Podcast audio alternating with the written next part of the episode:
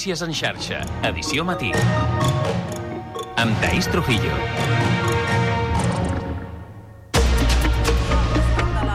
Generalitat Pere Aragonès convocarà els grups del Parlament a una cimera per impulsar canvis en l'educació arran dels mals resultats de l'informe PISA. Aragonès ha assegurat que assumeix tota la responsabilitat sobre la qüestió i ha instat els grups a fer política educativa en comptes de partidisme. L'oposició considera que el govern reacciona tard però recull el guant a l'hora de buscar respostes estructurals. Doncs així encapçarem el Notícies en xarxa d'aquest eh, dijous 14 de desembre i al punt de les 7 del matí repassem també altres titulars. Jornada de vaga a les universitats catalanes contra els casos d'assetjament sexual per part de professors. Els estudiants reclamen la complicitat de les institucions a l'hora de perseguir i castigar aquestes conductes. Els accessos a la UAB estaran avui tancats per carretera i ferrocarril. El rebuig a la llei d'amnistia i la defensa de l'oficialitat del català a Europa protagonitzen el balanç de la presidència espanyola del Parlament Europeu. Per primer cop des del 2017, Pedro Sánchez i Carles Puigdemont s'han retrobat en un hemicicle. Diversos ajuntaments de costa, com Salou, Begú, l'Ametlla de Mar i Santa Susanna, signen un manifest de rebuig al decret de la Generalitat que regula els pisos turístics a Catalunya. Denuncien que el text que limita aquesta activitat s'ha elaborat a esquenes dels municipis i sense tenir en compte els greuges que pot comportar en l'economia local.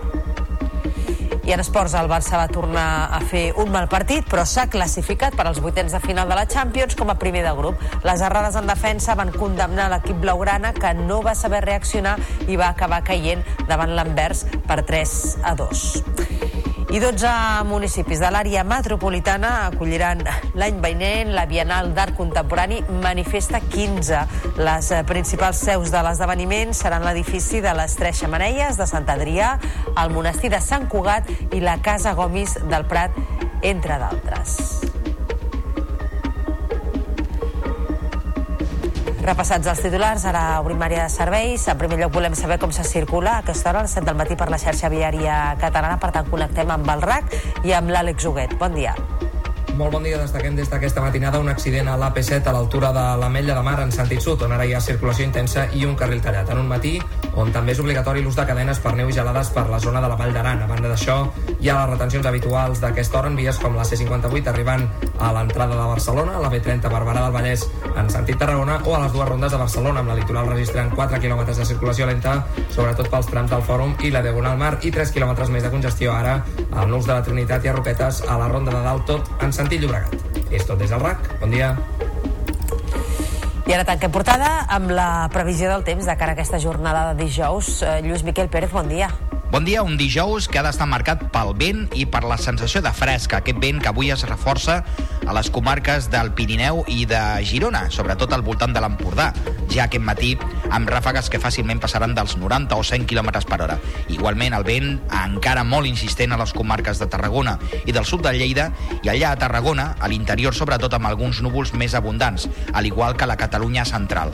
Els núvols més evidents els tindrem enganxats a l'Alt Pirineu, on hi aniran avant, cota de 1.200 metres. Aquesta tarda la nevada serà més intermitent, a la resta del país més sol que no pas núvols i encara molt de vent, com dèiem, i amb molt mala mar, en especial cap a la Costa Brava.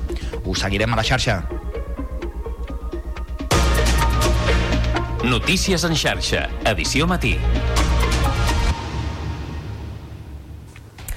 El president de la Generalitat, Pere Aragonès, convocarà els partits per revertir els mals resultats de l'informe PISA. Aragonès n'assumeix la responsabilitat, però busca un pacte ampli perquè les solucions siguin estables i perllongades en el temps. Ens ho explica l'Albert Güell. Just abans de la sessió de control, el president aragonès ha demanat la paraula per admetre que els resultats de l'informe PISA són dolents, que l'educació és una prioritat del govern i per convidar els grups a revertir-ho plegats. Des de la màxima exigència al govern, nosaltres assumim tota la responsabilitat. Però volem fer-ho conjuntament, no per diluir la responsabilitat política, sinó perquè crec que els resultats seran millors. els resultats seran millors i més estables i més consolidats en el temps. L'oposició li ha retret que hagi tardat 8 dies en donar la cara, però tots han dit que aniran a la cimera. El cap del PSC, Salvador Illa, ha afegit aquesta petició. Si vol això, si aquest és el, la seva voluntat, que no ho dubto, deixi en suspens les mesures anunciades per la consellera fins que no en parlem tots. Fins que no en parlem tots, no? Perquè una cosa és fer pinya i una altra és una adhesió. Junts per Catalunya, els comuns i la CUP demanen incorporar la comunitat educativa a la cimera. Ciutadans i PP creuen que la reunió no servirà de res. I mentrestant continua el debat dels telèfons mòbils a les aules. El Ministeri d'Educació proposarà a les comunitats autònomes prohibir-los a primària i regular-los a secundària en la mateixa línia que el Consell Escolar de Catalunya. Si la mesura tira endavant, els nens no podran utilitzar telèfons mòbils a l'escola fins als 12 anys i a partir d'aquesta edat només ho podran fer sota supervisió i demanda del professor en cas que sigui necessari per al projecte pedagògic de la seva assignatura. El Ministeri té previst dur la proposta a una reunió al gener vinent amb les autonomies i amb el Consell Escolar. I mentrestant, el Departament d'Educació i els sindicats de mestres s'han emplaçat a una nova reunió el proper dia 21 de desembre, després que ha acabat sense acord la trobada mantinguda ahir dimecres en el marc de la mesa sectorial. Els sindicats van convocar concentracions als diferents serveis territorials de Catalunya. Reclamen el pagament del deute dels sexenis, un complement laboral que mestres i professors van passar a cobrar dels 6 als 9 anys d'activitat professional durant l'època de les retallades. Comissió Comissions Obreres calcula que el retorn retroactiu del deute suposarà 50 milions l'any i des del sindicat majoritari, la portaveu d'Ustec, Yolanda Segura, insta a la consellera a atendre les reclamacions dels mestres si vol fer pinya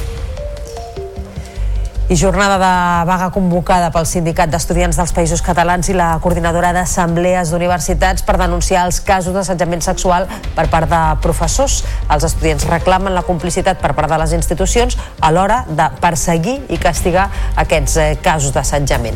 La protesta s'estén avui a totes les universitats després que ahir la UAB realitzés la primera d'aquestes dues jornades de vaga feminista al campus de Bellaterra. La Universitat Autònoma de Barcelona Barcelona manté avui els accessos tallats tant per carretera com des de l'estació de ferrocarrils de la Generalitat, barricades a les portes de les facultats i també piquets informatius.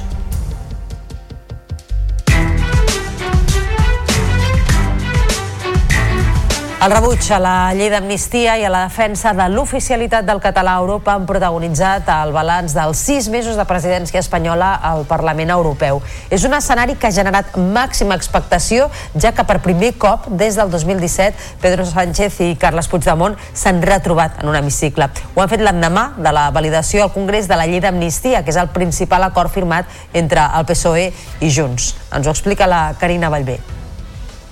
En el seu primer cara a cara després dels fets de 2017, sense encaixada de mans ni intercanvi d'impressions, Carles Puigdemont ha advertit al president espanyol sobre les conseqüències que pot tenir a la legislatura espanyola incomplir acords com ara l'oficialitat del català a Europa. Millones de europeos que tenemos el catalán como lengua materna no podemos ejercer derechos fundamentales en nuestra propia lengua porque esa Europa de las personas que usted debía defender durante su presidencia no nos incluye si hablamos en catalán. Presidente Sánchez, las oportunidades hay que aprovecharlas cuando ocurren. Si se dejan pasar de largo por miedo o por incapacidad, las consecuencias nunca son agradables. En el torn de resposta a l'Eurocambra, Pedro Sánchez s'ha compromès a promoure el reconeixement de les llengües cooficials i ha convidat el líder de Junts a continuar en el camí del diàleg, però dins de la Constitució, acompanyat també d'una defensa del pacte sobre l'amnistia. Hoy la situación en Cataluña es, señorías, infinitamente mejor que la que había en el año 2017 y la vamos a seguir mejorando. Al señor Puigdemont quiero decirle que está en nuestras manos lograrlo que debemos hacerlo por las vías de la política, de la negociación y de la Constitución. Y yo creo que la ley de amnistía es un paso importante en la buena dirección. Un cop endegada la tramitació de la llei d'amnistia, Esquerra demana ara a Pedro Sánchez obrir una nova carpeta, la del referèndum. Hablemos ahora en igualdad de condiciones, sobre soluciones. Nosotros ponemos encima de la mesa el referéndum. ¿Qué propone usted sobre la mesa, señor Sánchez? Un balanç sobre la presidència de torn en què la dreta espanyola ha volgut convertir l'amnistia en un problema europeu i en què tant el PP com Vox i Ciutadans han acusat al president espanyol de violar l'estat de dret. Pero qué equivocados están usted y su socio, el prófugo Puigdemont. España no se rinde, de España no se ríe nadie, porque somos una gran nación, una de las grandes democracias europeas y por eso los españoles seguiremos diciendo no sin descanso a la amnistía en las calles, en los tribunales y aquí en Europa. Malgrat les crítiques, Pedro Sánchez ha tillat d'exitosa la seva presidència europea i ha reclamat als socis europeus la mateixa unitat davant la invasió d'Israel a Gaza com la de Rússia sobre Ucraïna i ha apostat per la creació de l'estat palestí. El president de la Generalitat, Pere Aragonès, assegura que el govern espanyol i el Tribunal Suprem tenen l'obligació moral d'aixecar el secret de la causa d'espionatge a Pegasus. Ho ha dit a la Ciutat de la Justícia després de declarar durant una hora aproximadament com a perjudicat davant el jutge que porta la seva querella. Ens ho explica la Mont Carvajal. El president aragonès ha declarat com a testimoni per l'espionatge en Pegasus durant més de 45 minuts i acompanyat pel seu advocat Andreu Van der Einde. Ha respost totes les parts perquè com a víctima vol que s'esclareixin els fets i no es tornin a repetir. El president vol saber per què el CNI va ordenar espiar-lo i què en va fer amb la informació sostreta. Qualsevol activitat que ha fet amb el telèfon mòbil durant tot aquest temps està en mans d'algú i, per tant, volem accedir a tota la informació, qui ho va ordenar, qui té aquesta informació i, sobretot, que es prenguin les mesures perquè mai més cap ciutadà d'aquest país estigui sotmès a espionatge per raó de la seva ideologia política. El jutge ha demanat al govern espanyol i al Tribunal Suprem que portin documentació per esbrinar millor el cas, però el Suprem s'hi nega argumentant que és informació reservada i el Consell de Ministres arrossega els peus. Aragonès ha assegurat que tenen l'obligació moral de desclassificar aquesta informació el que és eh, imprescindible és que doncs, es desclassifiqui aquesta informació i, per tant, és una obligació ètica i moral del govern espanyol. La declaració de l'exdirectora del CNI, Paz Esteban, s'ha ajornat fins al gener.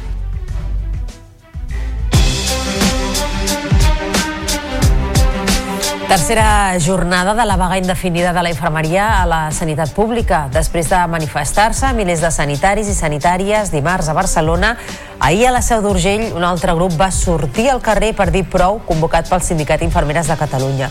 Consideren que les millores aconseguides el 22 de novembre amb la signatura del preacord sobre condicions de treball són molt minces i que el departament els menysprea. Sota el lema Les infermeres diem prou han volgut donar visibilitat a la situació límit que afronten al centre de primària i a l'hospital de la capital urgellenca. I des del govern, el conseller de Salut, Manel Balcells, s'ha defensat el preacord de l'Institut Català de la Salut, destacant que ha estat aprovat per 13 dels 15 delegats del sector sanitari. En una interpel·lació de la CUP ha expressat respecte per la vaga, però l'ha circumscrit als sindicats minoritaris. Balcells ha assegurat que la conselleria escolta i que confia dialogar per tal de resoldre el descontentament ho escoltem, ho atendrem i obrirem els espais de diàlegs necessaris per anar parlant d'això. No per modificar el tercer acord de l'ICS que està signat i que està signat i corroborat i que és bo i que no el podrem tocar i no el tocarem perquè aquest motiu de descontent no és bàsicament dels motius laborals, sinó de reconeixement de la professió, de les cargues professionals i del cansament que hi ha a primària i que, per tant, per això hem intensificat el nostre esforç en la primària. Cubelles, el Garraf se suma a la llista de municipis sancionats per l'ACA per consum excessiu d'aigua en el context de sequera. L'Ajuntament recorrerà la multa de 40.000 euros i retreu al govern que no ajudi els consistoris a millorar la seva infraestructura en lloc de castigar-los. És una crònica de Canal Blau. A Cubelles, el 40% de l'aigua es perd per culpa d'una xarxa obsoleta, segons l'Ajuntament, i per això és una prioritat posar-hi remei. El nou contracte de l'aigua amb l'empresa guanyadora de la licitació, Akbar, ja preveu inversions de millora a la xarxa d'aigua potable clavegaram i pluvials, una millora que suposa també un increment tarifari del 35% pels covellencs, repartit entre els pròxims 5 anys. Porta doncs, una, una capacitat inversora bastant important eh, en els 5 primers primers anys doncs, es farà gairebé uns 5-6 milions d'euros de, en inversions que ja estan previstes amb els llocs doncs, on tenim més incidències, però per altra banda aquest contracte també contempla unes inversions anyals d'uns fons de reposició que en diem d'uns 450.000 euros que també ens ajudaran doncs, a minimitzar eh, aquest, aquesta baixa rendibilitat de, de la xarxa. Si no es presenta cap recurs respecte al nou contracte de l'aigua aquests dies i per ara no n'hi ha cap, la previsió és que a principis de l'any vinent ja es pugui començar a aplicar. Des del govern també es confia que la nova desalinitzadora que hi ha projectada a Cubelles ajudi a no dependre tant de l'aigua dels embassaments. Aquest Nadal Girona no tindrà pista de gel, així ho ha decidit el patronat de la Fira davant la greu situació de sequera que viu el país. Estava previst que la pista obrís les portes al Palau de Fires del 23 de desembre al 7 de gener, acompanyada d'un tobogan per baixar-hi amb trineu. En un principi s'havia anunciat que la capa de gel seria un centímetre més prima per tal de reduir el consum de litres d'aigua que es necessiten pel seu manteniment. Finalment, però, s'ha decidit anul·lar-la. De moment, la resta de pistes de gel previstes per Nadal a les comarques de Girona continuen endavant i aquest dilluns està previst que s'obri la Dolot, que utilitza aigua regenerada per fer 5 dels 7 centímetres de la làmina de gel i que ha rebut el suport de comerciants i restauradors en un comunicat conjunt. Ens informa el Roger Isern des d'Olot TV. Creuen que l'aposta per una pista sostenible és correcta i un element important per la dinamització i promoció dels establiments al centre de la ciutat. També destaquen el turisme que pot arribar de fora la comarca, que segons els membres de les diferents associacions solen gaudir de la pista de gel. Aquesta pista nosaltres hem lluitat i hem lluitat bastant d'anys perquè la veritat ens comporta molt i molt d'impacte econòmic. No només a nosaltres, sinó en restauració, en la plaça Mercat, amb totes les botigues que hi ha en el, en el centre i la veritat sí que ens, ens aporta un benefici bastant important. És un, un moment en què eh, molta gent, també petits i grans, pues, eh, la fan servir amb tota la il·lusió. Comerciants, restauradors i placers d'Olot expressen també en el comunicat el seu desig de tenir una ciutat agradable i on el comerç local sigui el protagonista durant aquests dies de Nadal.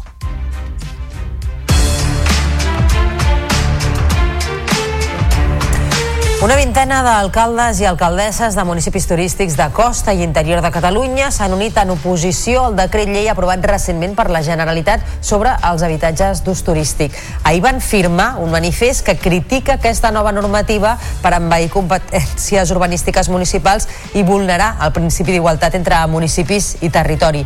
El manifest, obert a noves adhesions, defensa l'autonomia local i posa en dubte la validesa del decret governamental, argumentant que no respecta les particularitats de cada municipi. També subratlla l'impacte econòmic negatiu que la regulació podria tenir en les economies locals, especialment en municipis turístics. Entre els signants hi ha Pere Granados, alcalde de Salou, i Eva de l'Amo, alcaldessa de la Metlla de Mar. De reduir, en el cas nostre, en el cas de Salou, més de 4.000 llicències que ja s'han donades i per tant aquí hi hauria un principi d'indemnització, però sobretot també hem de posar en valor que l'apartament turístic genera molta riquesa en el municipi, en tant en quant és eh, un valor afegit per al comerç, un valor afegit per la restauració, com també una destrucció de llocs de treball. A nivell local, eh, la Mella no té prous llits per a acollir a este turisme que, que tenim eh, cada cada any. Per tant, perdríem moltíssim eh, múscul turístic perquè, evidentment, si no ho pots absorbir, eh, marxarien a altres municipis. Els alcaldes de Junts al Maresme han fet costat a l'alcalde de Calella, Marc Buch, que fa uns dies demanava l'expulsió immediata dels delinqüents multireincidents que siguin immigrants en situació irregular arran de l'onada de delictes violents que es viu al municipi. Envoltat de companys de partit, ha demanat canvis legals per lluitar contra la multireincidència i contra les ocupacions i acabar amb la impunitat. Buch ha alertat que la situació que viu Calella, amb 11 delinqüents identificats que acumulen més de 200 detencions es pot replicar en qualsevol moment a d'altres indrets de Catalunya. És per això que ha insistit en la necessitat de més mesures a banda del reforç policial compromès pel Departament d'Interior. Les persones que en fan de la delinqüència el seu sistema de vida, el seu ofici, doncs aquestes persones no tenen cabuda a casa nostra, aquestes persones no poden estar en el carrer. Han d'estar on els hi toca, doncs és tancades a la presó i fora del carrer perquè tots nosaltres doncs, tinguem uns municipis eh, tranquils, uns municipis segurs, perquè són, nosaltres el Maresme és una comarca fantàstica, s'hi viu molt i molt bé i per tant doncs, no podem permetre aquell que ens vulgui alterar la convivència, nosaltres no ho podem deixar passar. El govern espanyol ha tornat a incomplir la seva paraula sobre el quart cinturó. El Ministeri de Transports, ara amb nou responsable, ha comunicat que el tram entre Olesa de Montserrat i Vila de Cavalls no entrarà en funcionament abans del 15 de desembre, com havia dit l'anterior ministre Raquel Sánchez, i no fixa cap nou dia perquè entri en funcionament. El Ministeri argumenta que s'estan acabant de programar els sistemes de seguretat del túnel, que inclou aquest tram de la B40, i apunta que encara s'han d'acabar les glorietes bicicletes previstes a Vila de Cavalls. El quart cinturó ha estat històricament rebutjat per bona part de la ciutadania i per organitzacions ecologistes del Vallès Occidental i també de la comarca del Baix Llobregat. I abans dels esports us expliquem que la xarxa i TV3 han signat un conveni de col·laboració per la Marató enguany destinada a la salut sexual i reproductiva. Una trentena de professionals dels mitjans de proximitat aportaran material tècnic i humà per sumar esforços. Durant el programa, per exemple, es faran connexions en directe amb el Far de Sant Cristòfol, a Vilanova i la Geltrú i amb la Universitat de Lleida. Ho destaquen el conseller delegat de la XAL, Marc Melillas, la presidenta de la Corporació Catalana de Mitjans Audiovisuals, Rosa Romà molt contents de poder contribuir eh, des de la xarxa de la millor manera que sabem fer, que és posant a favor d'aquest gran eh, objectiu eh, els recursos als mitjans locals per poder contribuir que la festa, que el programa de la Marató pues, pugui tenir representació arreu de tot el territori. La col·laboració de la xarxa és fonamental perquè ens permet estar arreu del territori, donar visibilitat a totes aquestes iniciatives de voluntariat, de joves, de tota la societat, no? com es vol que amb la Marató, i ens enforteix conjuntament a un de, de les missions principals que tenim com a país, també ser solidaris els uns amb els altres.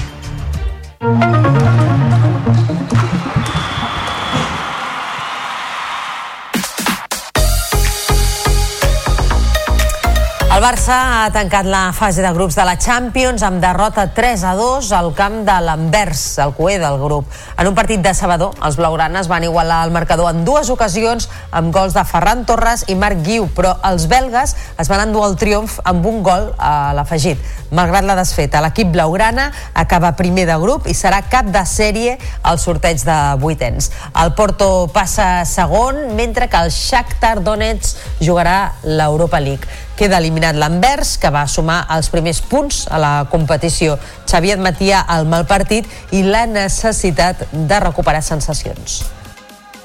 Valoració negativa, no? Crec que no ens hem trobat eh, eh, del tot en el, en el partit. Crec que no hem fet un, un bon partit, ells han estat molt ben defensa, molt agressius, ho hem intentat, sí que és, això és cert, i al final sí que no hem tingut la fortuna de, de, d'empatar el partit, estem en una ratxa negativa que ho hem de, ho hem de, eh, hem de reaccionar, hem de recuperar ja les nostres sensacions i el dissabte tenim una, una final. No?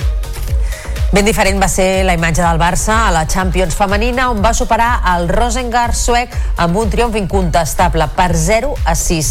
Ni el fred ni les baixes temperatures ni eh, les baixes a l'equip ni tampoc el rival van poder amb l'equip blaugrana que va golejar amb dianes de Wick en pròpia porteria, Salma i Patri abans del descans i Aitana, Mariona i Martina a la segona part. El Barça doncs, suma la tercera victòria en tres partits i lidera el grup A amb 9 punts, 3 més que el Benfica i 6 per sobre de l'Eintracht de Frankfurt. El Rosengard encara no ha puntuat i l'Espar Girona ha encarrilat l'eliminatòria dels setzents de final de l'Eurocup femenina de bàsquet després de guanyar de 12 punts al Sexart hongarès en un partit que va començar amb hora i mitja de retard per goteres al pavelló les gironines, liderades per Igueravide amb 21 punts i Berts amb 23 van aconseguir un bon avantatge al primer quart.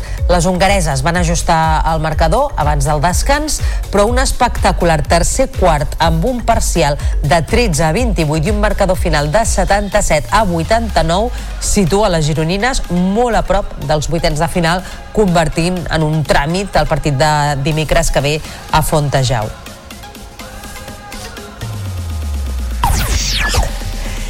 I el Cadí la Seu també té peu i mig als vuitens de final de l'Eurocup després de guanyar la pista del Castors Breim belga de 22 punts, 62 a 84. L'equip urgellenc va dominar de principi a fi en totes les facetes del joc i va tenir una inspiradíssima Sierra Campisano amb 27 punts, el gran referent ofensiu. A l'Eurocup masculina, el Joventut de Badalona va encadenar la cinquena victòria consecutiva en superar l'Olimpia Ljubljana per 83 a 81. Una vegada més, al tram final, Feliz va desencallar un partit que estava complicat i els eslovens van fallar dos triples per guanyar. L'entrenador de la penya, Carles Duran, reconeixia que havia faltat contundència.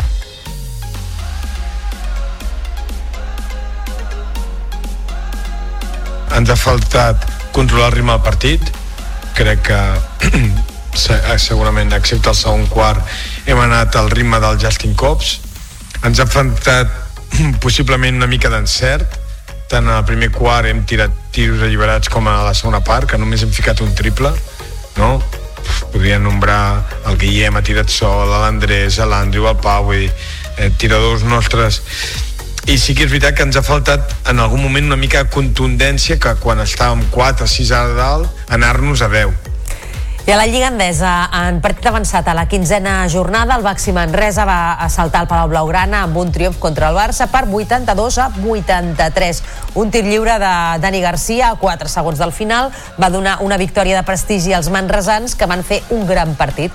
La Provítola i després Besseli van tenir l'ocasió d'aconseguir el triomf per als blaugranes, però van fallar. El Manresa trenca la imbatibilitat a la Lliga del Barça al Palau i continua somiant amb la Copa.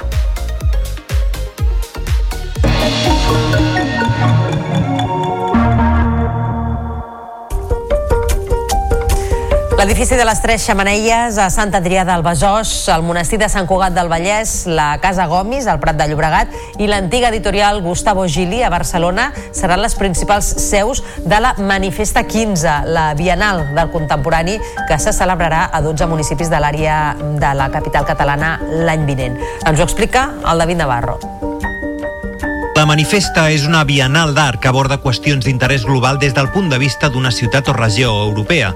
Aquest 2024 serà en Barcelona i 11 municipis metropolitans amb 5 milions d'habitants els que s'encarregaran de tractar les tres temàtiques, cuidar i ser cuidats, equilibrant conflictes i imaginant futurs. A banda de les tres seus, la Manifesta 15 s'estendrà per Santa Coloma de Gramenet, Badalona, Mataró, Sabadell, Terrassa, Granollers i l'Hospitalet i Cornellà de Llobregat. El vicepresident del comitè organitzador i nou secretari d'Estat de Cultura, Jordi Martí, ha destacat la importància de la trobada. És una bienal que posa el dit a la llaga i que vol utilitzar una ciutat fa dos anys va ser Pristina o fa un any va ser Pristina i l'any que ve serà Barcelona posar les contradiccions que travessen el món i plantejar la possibilitat de que l'art ens ajudi a trobar futurs possibles. Un jurat ha seleccionat els 10 primers projectes que participaran a la Bienal Cultural de 262 presentats. La llista definitiva ampliada de participants es donarà a conèixer a la primavera de l'any vinent.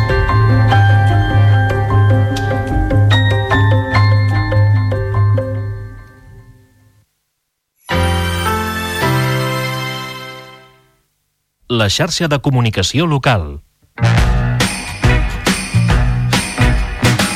Paraules habitables. Especial Nadal.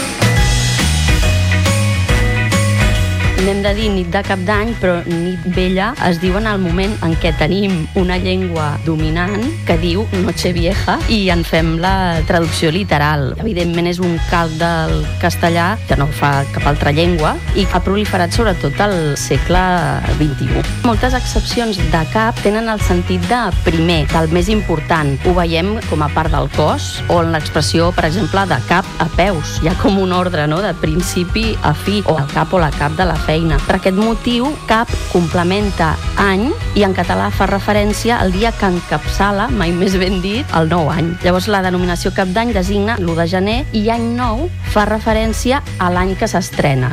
Com a curiositat, volia dir que un sinònim de cap d'any és ni nou, que es fa servir des de temps molt antic a diversos llocs del Principat i en alguns de València. És un mot que ja es troba en la crònica del rei en Pere el Cerimoniós, al segle XIV, i ve del llatí dies anni novi, que vol dir dia de l'any nou. També tenim un refrany força popular que és per ni nou un pas de bou, que significa que al començament de l'any el dia ja s'ha allargat una mica. Això sempre ens anima. L'ús és reduït, però s'està tornant a popularitzar. És una mica cacofònic, però hauria de ser bon ni nou.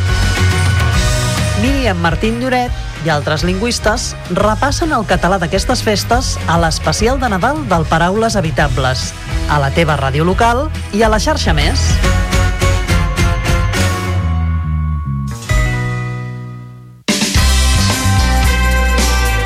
La xarxa de comunicació local.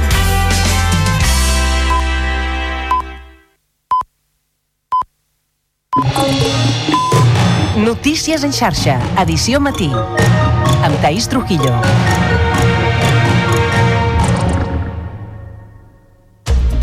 Bon dia, són dos quarts de vuit del matí i avui encapçalem el Notícies en xarxa amb educació i és que el president de la Generalitat, Pere Aragonès, convocarà els grups del Parlament a una cimera per impulsar canvis en l'ensenyament arran dels mals resultats de l'informe PISA.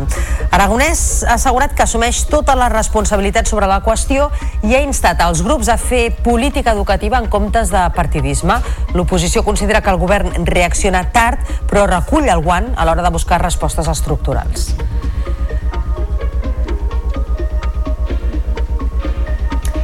De seguida us ho ampliem, abans però repassem també altres titulars d'aquest dijous 14 de desembre. Jornada de vaga a les universitats catalanes contra els casos d'assetjament sexual per part de professors. Els estudiants reclamen la complicitat de les institucions a l'hora de perseguir i castigar aquestes conductes. Els accessos a la UAB estaran avui tancats per carretera i ferrocarril. De seguida connectarem en directe amb els companys de TV Sabadell per veure quin ambient es respira a aquesta hora a la Universitat Autònoma. I també parlarem d'aquí a uns minuts amb la Júlia Portet, que és la portaveu del Sindicat d'Estudiants dels Països Catalans. El rebuig a la llei d'amnistia i la defensa de l'oficialitat del català a Europa protagonitzen el balanç de la presidència espanyola al Parlament Europeu. Per primer cop des del 2017, Pedro Sánchez i Carles Puigdemont s'han retrobat en un hemicicle. I en esports, el Barça va tornar a fer un mal partit, però s'ha classificat per als eh, vuitens de final de la Champions com a primer de grup. Les errades en defensa van condemnar l'equip blaugrana, que no va saber reaccionar i va acabar caient davant l'Anvers per 3 a 2. I en cultura us expliquem que 12 municipis de l'àrea metropolitana acolliran l'any vinent la Bienal d'Art Contemporani Manifesta 15. Les principals seus de l'esdeveniment seran l'edifici de les Tres Xamaneies, de Sant Adrià, el monestir de Sant Cugat i la Casa Gomis del Prat, entre d'altres. I ara repassats els titulars, obrim plana de serveis, primer amb el trànsit, segons el RAC hi ha dues incidències a la P7 a aquesta hora. A la Metlla de Mar es talla un carril en sentit sud i en el mateix sentit a l'Aldea es talla un carril per un altre accident. També hi ha hagut un sinistre a la C32 i a la B20 en sentit nord a l'Hospitalet de Llobregat i hi ha 3 quilòmetres de congestió. I forces retencions a la B23 a Molins de Rei, a la 2 de Pallejà en sentit Barcelona i a les rondes molta lentitud als trams habituals en sentit Llobregat. I pel que fa al temps, aquest dijous serà radiant a tot Catalunya, excepte al Pirineu. Hi ha muntanyes de Tarragona on hi nevarà. I precaució amb el vent. Hi ha un avís del Servei Meteorològic de Catalunya per perill moderat a les comarques del nord de Catalunya i també bufarà fort a Tarragona. Notícies en xarxa, edició matí.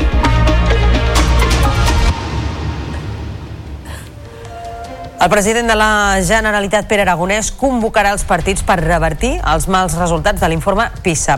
Aragonès eh, n'assumeix la responsabilitat, però busca un pacte ampli perquè les solucions siguin estables i perllongades en el temps. Ens ho explica l'Albert Güell. Just abans de la sessió de control, el president aragonès ha demanat la paraula per admetre que els resultats de l'informe PISA són dolents, que l'educació és una prioritat del govern i per convidar els grups a revertir-ho plegats. Des de la màxima exigència al govern, nosaltres assumim tota la responsabilitat. Però volem fer-ho conjuntament, no per diluir la responsabilitat política, sinó perquè crec que els resultats seran millors.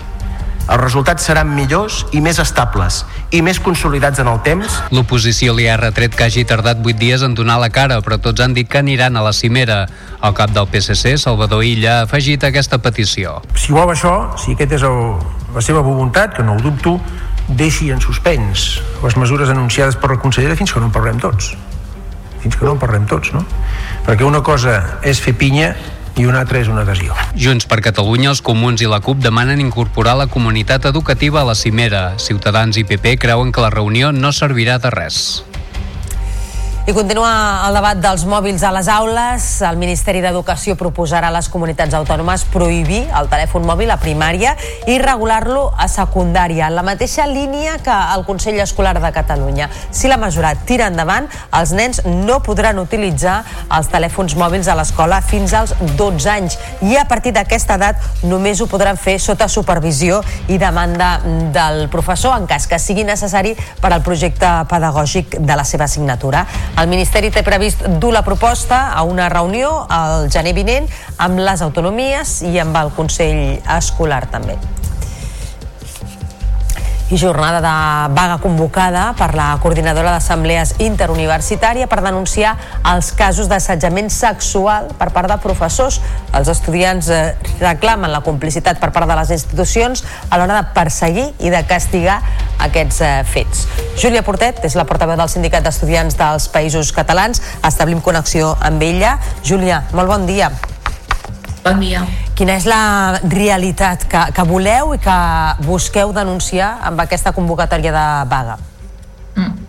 Sí, la vaga de convocada avui està convocada a instituts i universitats d'arreu dels països catalans i bàsicament té com a objectiu mostrar un rebuig cap a la situació que s'està patint des de fa anys i des de fa mesos, eh, que trobem doncs, molts casos de professors agressors eh, tant a universitats com també a instituts i volem assenyalar aquests casos, així com també assenyalar una mica com la no acció per part de les institucions, els protocols que són completament inefectius per part eh, d'aquestes. Mm -hmm. uh, anem a pams. Parleu de casos d'assetjament sexual, però també psicològic, eh, físic i fins i tot laboral, no? En alguns casos, per part de professors, alumnes, entenc que alumnes en aquest cas que estiguin fent un, un doctorat, per exemple, no? i que estiguin contractats. Sí, sí, un exemple pot ser, per exemple, doncs, el, el cas que va sortir el curs passat de la UPF, que, clar, o sigui, al final el tema de, de l'assetjament sexual, assetjament laboral, molts cops va molt de la mà, no? però eh, sí que també és veritat que la, la vaga d'avui no es centra en tant com en l'assetjament laboral, sinó més en el, en el sexual, físic i psicològic, però sí que hem vist, òbviament, també casos d'assetjament laboral. Diríeu que es tracta d'un comportament o d'unes accions que es repeteixen amb certa freqüència i que són comunes a totes les universitats? Mm.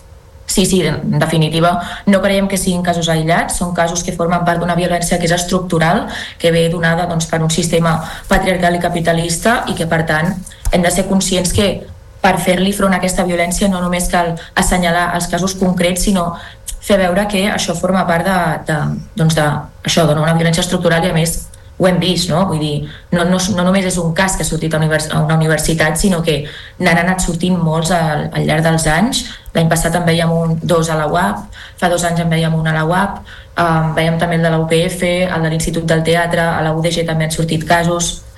Vull dir, és una qüestió prou estructural, no, -huh. no només denuncieu que, que passin aquests casos, evidentment, però també la reacció dels rectorats, de les universitats, quan es produeixen aquests fets, no? Què és el que passa? Hi ha un intent d'encobriment per preservar el prestigi de la institució? Hi ha uns protocols, ho comentaves abans, no? per sobre, que no acaben de funcionar. Què és el que falla? Mm. Sí, nosaltres fa anys que, que, diem, que ho diem, no? O sigui, els protocols són completament inefectius, no veiem que funcionin perquè moltes, de, moltes agredides no denuncien pel fet de, de, bueno, doncs que els protocols són inefectius. Per què? Doncs, per exemple, falta, um, falten mesures cautelars no? a l'hora de denunciar. No hi ha una seguretat de que quan tu denuncies el professor es pugui apartar de la docència fent de les aules un espai no segur o, per exemple, eh, el fet de, de que no hi ha un anonimat de la denunciant quan es denuncia, és a dir, el professor pot tenir constància de quin alumne ha denunciat i, per tant, aquesta doncs, pot, pot veure els seus estudis condicionats a l'hora de denunciar bueno, els seus estudis i també, òbviament, la seva salut mental um, i, i tot això, vull dir, com... I a més les institucions només han respost, només han donat la cara directament o només han fet públics els casos eh, quan se'ls ha assenyalat, com pot ser, per exemple, l'any passat que van sortir diversos articles. Doncs eh, farem seguiment d'aquesta vaga que es fa avui arreu de les universitats catalanes, també dels instituts. Júlia Portet, portaveu del Sindicat d'Estudiants dels Països Catalans, gràcies per haver-nos atès aquest matí al Notícies. Molt bon dia. I aquesta protesta s'estén avui, com dèiem, a totes les universitats després que ahir la UAB, l'Autònoma de Barcelona, realitzés la primera d'aquestes dues jornades de vaga feminista al campus de Bellaterra, a Cerdanyola del Vallès. La Universitat Autònoma manté avui els accessos tallats tant per carretera com des de l'estació de ferrocarrils de la Generalitat. Per veure quin és l'ambient a aquesta hora, connectem en directe amb els companys de Televisió Sabadell Vallès, el Josep Maria Tatger i el Joan Muñoz. Joan, molt bon dia. Hola, molt bon dia, Tais. Doncs eh, sí, ara mateix aquí estem a l'accés al campus de, de Bellaterra de la Universitat Autònoma de Barcelona des de l'estació de ferrocarrils i com veieu, doncs ara mateix una barricada, com passava just fa 24 hores, eh, des de les 7 del matí, una mica abans de les 7 del matí, un grup d'una cinquantena d'estudiants han arribat a la plaça cívica i s'han organitzat per muntar piquets i barricades com aquesta que veieu darrere meu. Aquesta, com explicàveu, és la segona jornada d'aquesta vaga feminista que el que pretén és denunciar eh, dos presumptes casos aquí a la Universitat Autònoma de Barcelona d'assetjament eh, sexual per part de professors, però el que també reclamen eh, és, eh, bé, mm, que hi ha casos, altres casos, com pot ser a la Universitat de Girona, a la Pompeu Fabra o a l'Institut eh, del Teatre. Reclamen a les institucions per seguir castigar eh, aquests casos i, per tant, eh, aquesta segona jornada avui culminarà, ha començat aquí de nou al campus de la Universitat Autònoma de Barcelona a Bellaterra, però es traslladarà al migdia en una manifestació conjunta al centre de Barcelona. Joan Muñoz, companys de la televisió de Sabadell, gràcies per aquesta connexió en directe des de l'Autònoma a aquesta hora. Molt bon dia.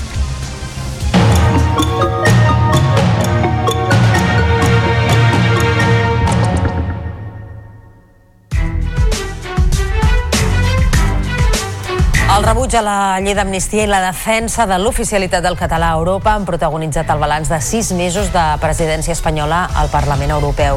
És un escenari que ha generat màxima expectació, ja que per primer cop des del 2017 Pedro Sánchez i Carles Puigdemont s'han retrobat en un hemicicle. Ho han fet l'endemà de la validació al Congrés de la llei d'amnistia, que és el principal acord signat entre el PSOE i Junts. Ens ho explica la nostra companya Carina Vallvé.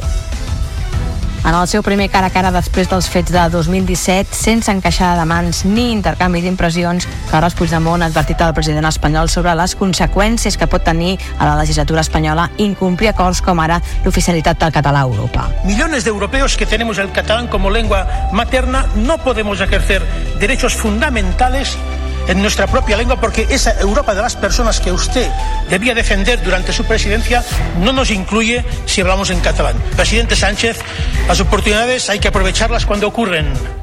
Si se dejan pasar de largo por miedo o por incapacidad, las consecuencias nunca son agradables. En el torn de resposta a l'Eurocambra, Pedro Sánchez s'ha compromès a promoure el reconeixement de les llengües oficials i ha convidat el líder de Junts a continuar en el camí del diàleg, però dins de la Constitució, acompanyat també d'una defensa del pacte sobre l'amnistia. Hoy la situación en Cataluña es, señorías, infinitamente mejor que la que había en el año 2017 y la vamos a seguir mejorando. Al señor Puigdemont quiero decirle que está en nuestras manos lograrlo, que debemos hacerlo por las vías de la política, de la negociación y de la Constitución.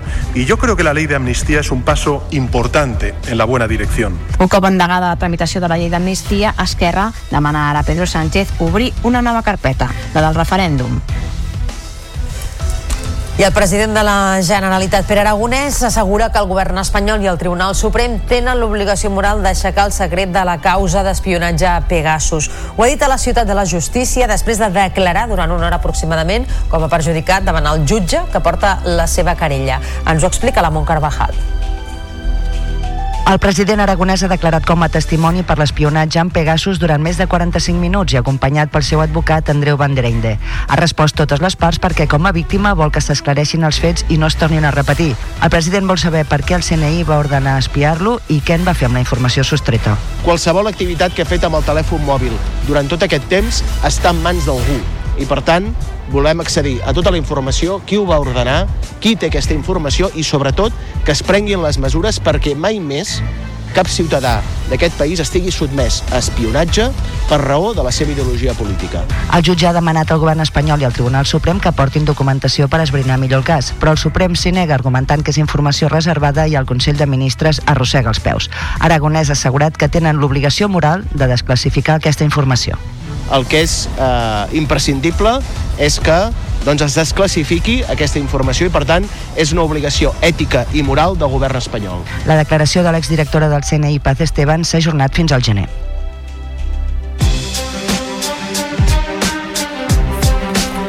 Són pràcticament tres quarts de vuit ara del matí. Continua el degoteig de sancions de l'Agència Catalana de l'Aigua a municipis que s'han excedit en el seu consum durant la fase d'excepcionalitat.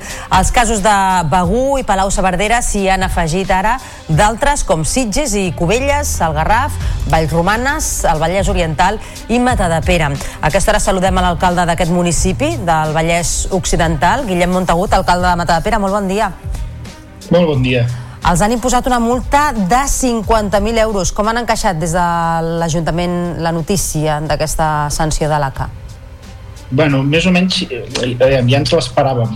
Com l'encaixes? Doncs com sempre que et posen una multa, doncs malament, perquè entenem de que, de que és una sanció doncs, injusta degut a l'estat de la xarxa de l'aigua. Vull dir, si s'invertís en això, potser no gastaríem tant, no nosaltres, sinó molts altres municipis. -huh. Ja vaig dir l'altre cop de que no és un problema d'un municipi, és un problema de país. Uh -huh. I ara que ja tenen aquesta sanció sobre la taula, quin, quin recorregut eh, pot tenir? Es pot recórrer aquesta multa? Estan pendents de poder dialogar amb, amb el govern de la Generalitat, amb l'ACA en aquest cas, per mirar d'afrontar aquestes reparacions que s'han de fer sense haver de pagar la sanció?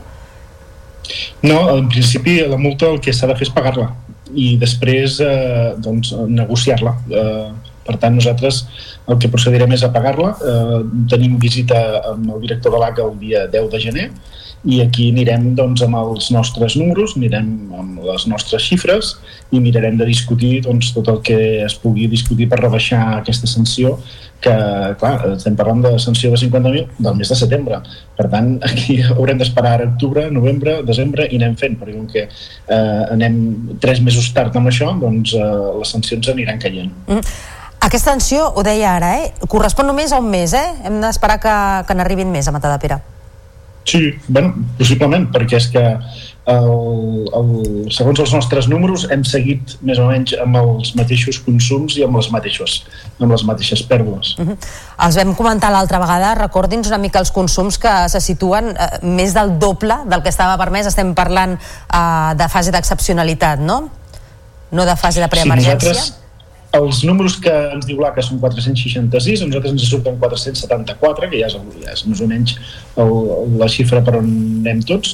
Uh, el que sí que si ho agafem a consum de comptador uh, estem amb 222, em sembla que eren, i, i no, no estem tan lluny d'aquells 230 que hi havia llavors i els 210 que han posat ara. Uh -huh. Deia vostè que per ara pagaran aquesta multa, però la voluntat de l'Ajuntament és que l'assumeixi la companyia d'aigües, que seria responsable del, del manteniment deficitari, en aquest cas de la infraestructura, i també els eh, veïns que s'accedeixen en el consum, com ho faran? Sí, bueno, nosaltres, eh, em sembla que va ser l'anterior legislatura, ja es va aprovar un règim sancionador eh, ara per quantitats no el tinc aquí davant però eh, en el proper banc que farem que sortirà suposem entre avui i demà eh, ja diu les quantitats, les xifres eh, que sancionarà els veïns que es vagin eh, o sigui, que passin d'aquest consum eh, mínim. Eh, els tenim tots detectats perquè les factures són les que canten en, en quant a xifra i en quant a, a quantitat de litres gastats. Per tant, anirem primer de cara a aquests veïns que són incívics i que estan gastant més del compte eh, i després anirem a negociar lògicament amb la companyia d'aigües aviam quina part de responsabilitat té sobre aquesta sanció que ens han posat eh, a part de seguir negociant amb aquesta companyia d'aigües per mirar de, eh, de fer la, la quantitat necessària de diners per invertir en xarxa i revertir una mica totes les pèrdues que estem tenint. Doncs eh, n'anirem parlant. Guillem Montagut, alcalde de Mata de Pere, gràcies per haver-nos atès. Molt bon dia. A tu per la, per la trucada.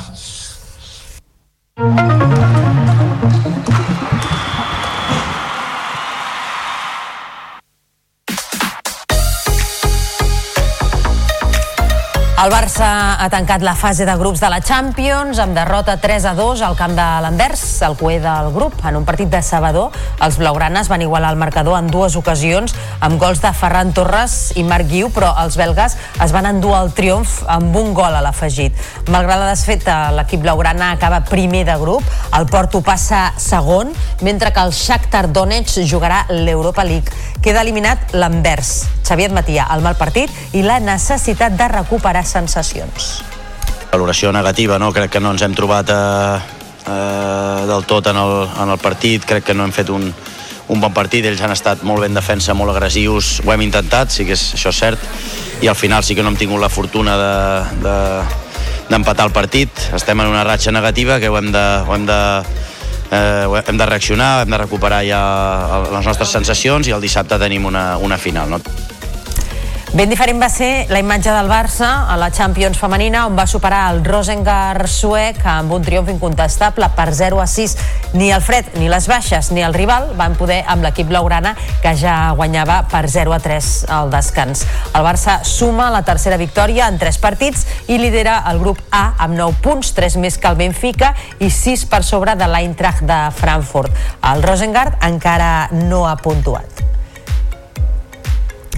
I l'Espar Girona ha encarrilat l'eliminatòria de setzents de final de l'Eurocup femenina de bàsquet després de guanyar de 12 punts al Sexart hongarès en un partit que va començar amb hora i mitja de retard per goteres al pavelló. Les gironines van decidir en un espectacular tercer quart. El triomf per 77 a 89 situa l'Uni molt a prop dels vuitens de final, convertint en un tràmit el partit de dimecres que ve a, a Fontejau. I el Cadí la Seu també té peu i mig als vuitens de final de l'Eurocup després de guanyar la pista del Castors Brain belga de 22 punts per 62 a 84. L'equip urgellenc va dominar en totes les facetes i va tenir una inspiradíssima Sierra Campisano amb 27 punts que va ser el gran referent ofensiu. La tornada es disputarà dimecres que ve a la Seu d'Urgell. Si superen les eliminatòries, l'Espar Girona i el Cadí la Seu s'enfrontaran als vuitens de final. I a l'Eurocup masculina, el Joventut de Badalona ha encadenat la cinquena victòria consecutiva en superar l'Olimpia de Ljubljana per 83 a 81. L'equip verd i negre continua en places d'accés als vuitens de final. Malgrat el triomf, l'entrenador Carles Duran reconeixia que havia faltat contundència. Ens ha faltat controlar el ritme del partit. Crec que segurament, excepte el segon quart, hem anat al ritme del Justin Cops. Ens ha faltat possiblement una mica d'encert. Tant el primer quart hem tirat tiros alliberats com a la segona part que només hem ficat un triple no? podria nombrar el Guillem ha tirat sol, l'Andrés, l'Andrew, el Pau dir, eh, tiradors nostres. I sí que és veritat que ens ha faltat en algun moment una mica contundència que quan estàvem 4 o 6 a dalt anar-nos a 10 i a la Lliga Endesa, en partit avançat a la quinzena jornada, el Baxi Manresa va saltar al Palau Blaugrana amb triomf contra el Barça per 82 a 83. Un tir lliure de Dani Garcia a 4 segons del final va donar una victòria de prestigi als manresans que van fer un gran partit. La Provítola i després Beseli van tenir ocasió d'aconseguir el triomf per als blaugranes, però van fallar. El Manresa trenca la imbatibilitat a la Lliga del Barça al Palau i continua somiant amb la Copa. I avui comença el World Padel Tour Barcelona que es disputa fins diumenge al Palau Sant Jordi. S'espera que el campionat de pàdel més important del món tanqui les portes batent un nou rècord d'assistència. Ens fan la prèvia des de BTV. Àlex Massana. El Master Final de Barcelona és el colofó a una temporada 2023 llarguíssima. Les 16 millors pales del món en el quadre masculí i les 16 millors en el femení se citen al Sant Jordi per decidir els últims campions de l'any en un torneig que té quarts, semifinals i final. Tothom vol ser-hi i tothom vol guanyar en un entorn idíl·lic per la pràctica del pàdel. A mí siempre me ha gustado jugar aquí en casa, eh, sea aquí o en otro sitio, por ejemplo, cuando antes se jugaba en el polo. Creo que aquí creo que el sitio pues es emblemático, eh, estamos cerca de, pues, del Estadio Olímpico, es, es, es impresionante. La temporada passada es va fer el rècord d'assistència en la jornada de dissabte. 12.141 aficionats i enguany es vol repetir en Cabini unes 14.000 persones. Seria un magnífic punt final per un circuit, el World Padel Tour, que desapareix després de 10 anys.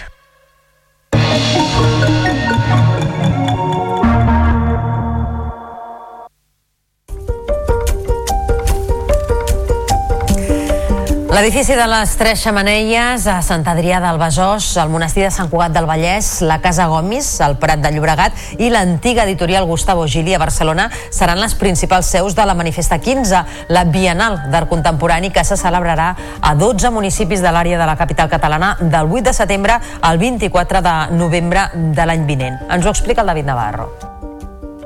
La manifesta és una bienal d'art que aborda qüestions d'interès global des del punt de vista d'una ciutat o regió europea. Aquest 2024 serà en Barcelona i 11 municipis metropolitans amb 5 milions d'habitants els que s'encarregaran de tractar les tres temàtiques, cuidar i ser cuidats, equilibrant conflictes i imaginant futurs. A banda de les tres seus, la manifesta 15 s'estendrà per Santa Coloma de Gramenet, Badalona, Mataró, Sabadell, Terrassa, Granollers i l'Hospitalet i Cornellà de Llobregat. El vicepresident del comitè organitzador i nou secretari d'Estat de Cultura, Jordi Martí, ha destacat la importància de la trobada. És una bienal que posa el dit a la llaga i que vol, utilitzant una ciutat, fa dos anys va ser Pristina, o fa un any va ser Pristina i l'any que ve serà Barcelona, posar les contradiccions que travessen el món i plantejar la possibilitat de que l'art ens ajudi a trobar futurs possibles. Un jurat ha seleccionat els 10 primers projectes que participaran a la Bienal Cultural de 262 presentats. La llista definitiva ampliada de participants es donarà a conèixer a la primavera de l'any vinent. Granollers inaugura el nou centre d'interpretació del passat industrial de la tèrmica de Roca Humbert. Aquesta central, una de les més ben conservades d'Europa, compta així amb un espectacular mapatge de 18 metres d'alçada que mostra la seva evolució i la transformació de les primeres matèries en energia. El visitant pot descobrir elements històrics per entendre el procés de producció d'energia elèctrica i reflexionar sobre com encarar el futur de forma responsable, eficient i sostenible possible. Ens ho explica el director del Museu Nacional de la Ciència i la Tècnica de Catalunya, Josep Pere Arnau. Aquí que expliquem com es feia eh, que seria avui totalment insostenible, eh, mediambientalment no seria el correcte, hem d'explicar com es feia, però a la vegada poder explicar cap on va el futur, cap on va tota la sostenibilitat, cap on van totes les noves energies, i en això estem ja treballant. I a pocs dies eh, per Nadal, els pessebres ja omplen els carrers. El de la plaça de la Vila de Badalona enguany recrea la Vall de Boí. En concret ens trasllada fins al poble de Taüll, on trobem una de les esglésies més importants de Catalunya, l'església de Sant Climent. I el Canà, el pessebre està format per un miler de figures que representen diferents escenes bíbliques. No hi falten peces emblemàtiques com l'ermita del Remei o els tarongers i les oliveres. Més d'una vintena de persones participen en la seva elaboració i enguany proposen un joc, trobar sis peces que res tenen a veure amb el pessebre.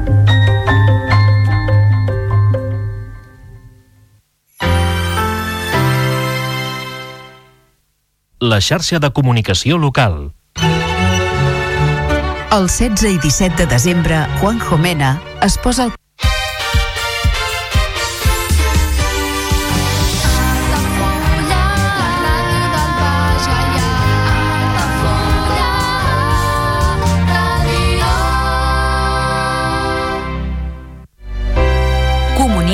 2024. Dates ja disponibles amb sales privades, jardí, pàrquing privat i la millor gastronomia. Més informació i reserves al 977 65 11 55 i a comercial arroba altafullamarhotel.com o al web altafullamarhotel.com. Les teves celebracions familiars a l'Altafulla Mar Hotel. Carrer Major, el programa de les emissores del Camp de Tarragona. Cada dia de 4 a 6 de la tarda, el que passa al Camp de Tarragona t'ho expliquem amb la major redacció d'un programa de territori quilòmetre zero. Periodisme de proximitat, continguts de qualitat, amb Anna Plaza i Toni Mateos. Carrer Major.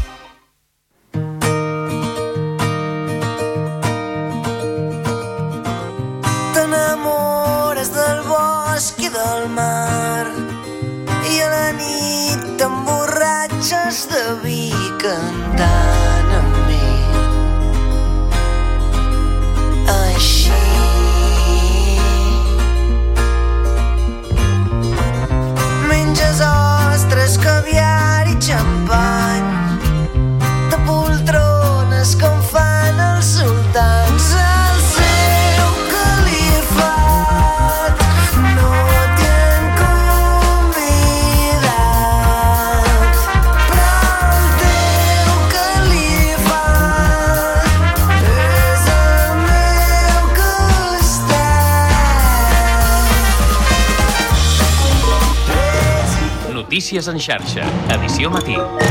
Amb Taís Trujillo. Bon dia. El president de la Generalitat, Pere Aragonès, convocarà els grups del Parlament a una cimera per impulsar canvis en l'educació arran dels mals resultats de l'informe PISA. Aragonès ha assegurat que assumeix tota la responsabilitat sobre la qüestió i ha instat els grups a fer política educativa en comptes de partidisme. L'oposició considera que el govern reacciona tard però recull el guant a l'hora de buscar respostes estructurals. D'aquesta manera encapçalem el Notícies en xarxa d'aquest dijous dia 14 de desembre i al punt de les 8 del matí repassem altres titulars. Jornada de vaga a les universitats catalanes contra els casos d'assetjament sexual per part de professors. Els estudiants reclamen la complicitat de les institucions a l'hora de perseguir i castigar aquestes conductes. Els accessos a la UAB estaran avui tancats per carretera i ferrocarril. De seguida tornarem a connectar en directe amb els companys de TV Sabadell per veure quin ambient es respira a aquesta hora a l'Autònoma de Barcelona. I més qüestions. El rebuig a la llei d'amnistia i la defensa de l'oficialitat del català a Europa protagonitzen el balanç de la presidència espanyola del Parlament Europeu. Per primer cop des del 2017, Pedro Sánchez i Carles Puigdemont s'han retrobat en un hemicicle. Diferents ajuntaments de costa, com Salou, Begú, l'Ametlla de Mar i Santa Susanna, signen un manifest de rebuig al decret de la Generalitat que regula els pisos turístics a Catalunya. Denuncien que el text que limita aquesta activitat s'ha elaborat a esquenes dels municipis i sense tenir en compte els greuges que pot comportar en l'economia local. I en esports el Barça va tornar a fer un mal partit, però s'ha classificat per als vuitens de final de la Champions com a primer de grup.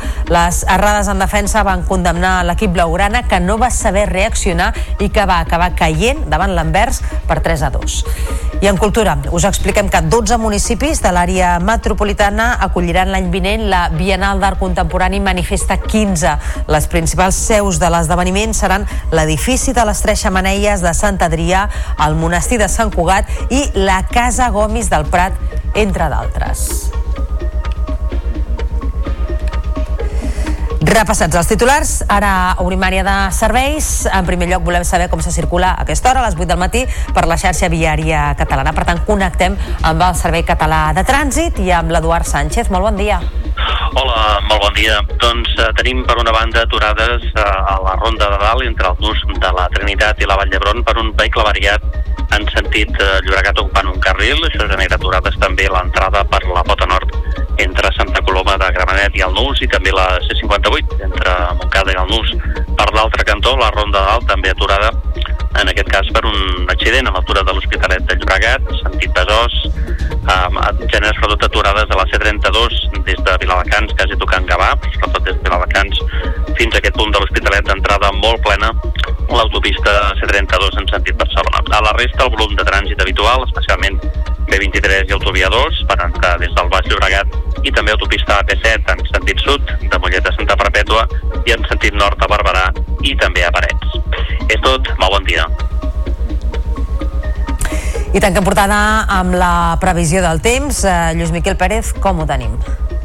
Bon dia, Taís. Doncs eh, amb un ambient molt ventós avui a més de la meitat del territori català. De fet, aquest matí aquest vent fa que hi hagi molta sensació de frescor. Ha baixat aquesta temperatura en molts casos i vent que ha entrat amb mala bava. En el cas de l'Empordà i a moltes comarques de Girona, també del Pirineu. Ha entrat la tramuntana i per la seva banda continua el vent de dalt, vent de serè, vent de mestral a les comarques de Lleida i de Tarragona, arribant fins i tot cap a l'Alt Penedès, fins al Garraf, al Baix Llobregat. Són vents aixuts, per tant de núvols núvols importants pocs, tret de l'Alt Pirineu, on hi està nevant i, per cert, una nevada molt maca, salvadora per les estacions d'esquí, almenys de Lleida, la que està caient. I, de fet, la que continuarà caient al llarg d'aquesta tarda, d'una forma ja més espaiada, més localitzada, més intermitent.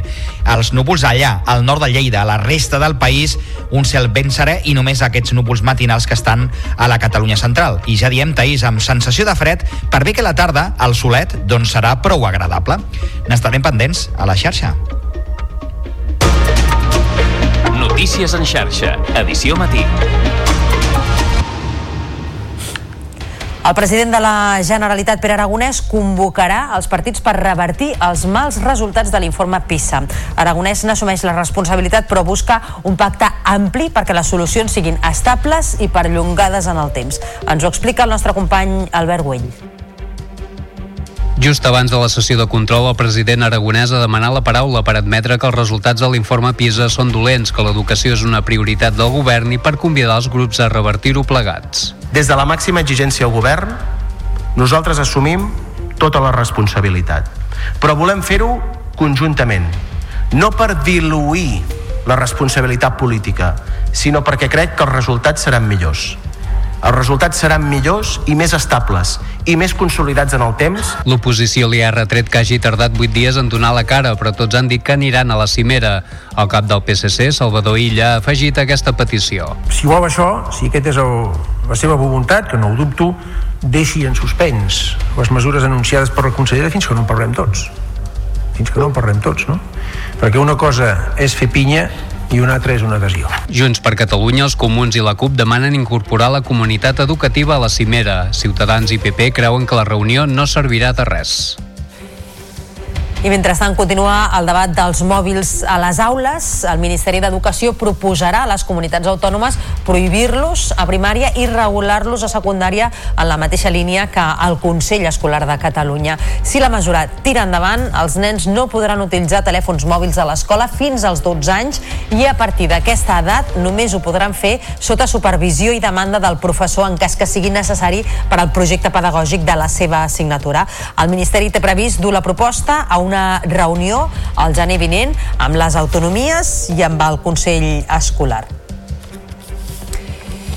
i la jornada d'aquest dijous és de vaga convocada en aquest cas pel Sindicat d'Estudiants dels Països Catalans i la Coordinadora d'Assemblees d'Universitats per denunciar els casos d'assetjament sexual per part de professors. La protesta s'estén avui a totes les universitats després que ahir la UAB realitzés la primera d'aquestes dues jornades de vaga feminista al campus de Bellaterra. La Universitat Autònoma manté avui els accessos tallats tant per carretera com des de l'estació de ferrocarrils de la Generalitat. Per veure quina és la situació a aquesta hora, tornem a connectar en directe amb els companys de la televisió de Sabadell, el Josep Maria Tatge i el Joan Muñoz. Joan, molt bon dia. Hola, molt bon dia, Thais. Doncs eh, ja veieu, la situació és mateixa que des de les 7 del matí, quan aproximadament aquí a la plaça cívica de la Universitat Autònoma de Barcelona, al campus Bellaterra, un grup de més d'una cinquantena d'estudiants doncs, eh, s'han organitzat, han arribat i s'han organitzat per muntar barricades com la que veieu aquí darrere meu. En aquest cas estem a l'accés a la universitat des de l'estació de ferrocarrils. És la segona jornada de vaga per eh, denunciar i per eh, bé, fer conèixer que aquesta situació d'assetjament assetjament sexual per part de professors de les universitats catalanes continua. En aquest cas, aquí a l'Autònoma aquest any en coneixem eh, dos, però també denuncien altres casos, per exemple, a la Universitat de Girona, a la Pompeu Fabra o a l'Institut del Teatre. Escoltem ara Sofia Ginesta, ella és la portaveu de la CAF el que denunciem és l'estructuralitat d'aquesta situació, del rol de poder que genera entre un professor i un alumne dins del marc de la universitat, que al final no deixa sortir del sistema patriarcal en què ens trobem immersos. S'ha demostrat que hi ha un munt de denúncies silenciades, que l'acció més directa que ha pres el moviment estudiantil està sent l'únic que està ajudant a treure-les a la llum i és una mica una socialització del problema per dir mm, volem treballar conjuntes per solucionar-ho, s'ha demostrat i volem fer-ne més eco perquè no s'està escoltant i encara no s'hi està actuant com considerem que s'hauria com ahir en aquest cas avui es mantenen els accessos tallats en aquest eh, campus de Bellaterra de la Universitat Autònoma de Barcelona amb barricades, eh, amb eh, piquets i com dèieu i com explicàveu avui eh, aquesta segona jornada de vaga és la darrera eh, i s'estendrà i s'està estenent a la resta d'universitats. Cap a mig matí està previst que tots aquests estudiants es desplacin fins al centre de Barcelona, a plaça Universitat, quan a les, dos, a les 12 està prevista aquesta manifestació conjunta. Joan Muñoz, companys de Televisió de Sabadell, gràcies per aquesta connexió en directe a aquesta hora des de la Universitat Autònoma a Bellaterra. Bon dia.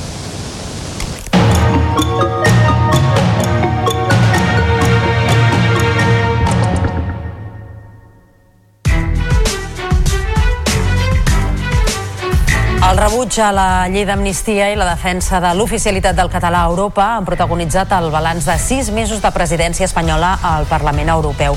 És un escenari que ha generat màxima expectació, ja que per primer cop des del 2017 Pedro Sánchez i Carles Puigdemont s'han trobat en un hemicicle.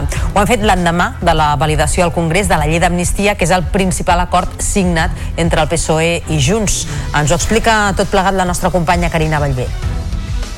En el seu primer cara a cara després dels fets de 2017, sense encaixada de mans ni intercanvi d'impressions, Carles Puigdemont ha advertit al president espanyol sobre les conseqüències que pot tenir a la legislatura espanyola incomplir acords com ara l'oficialitat del català a Europa. Millones de europeos que tenemos el catalán como lengua materna no podemos ejercer derechos fundamentales en nuestra propia lengua porque esa Europa de las personas que usted debía defender durante su presidencia no nos incluye si hablamos en catalán. Presidente Sánchez, las oportunidades hay que aprovecharlas cuando ocurren.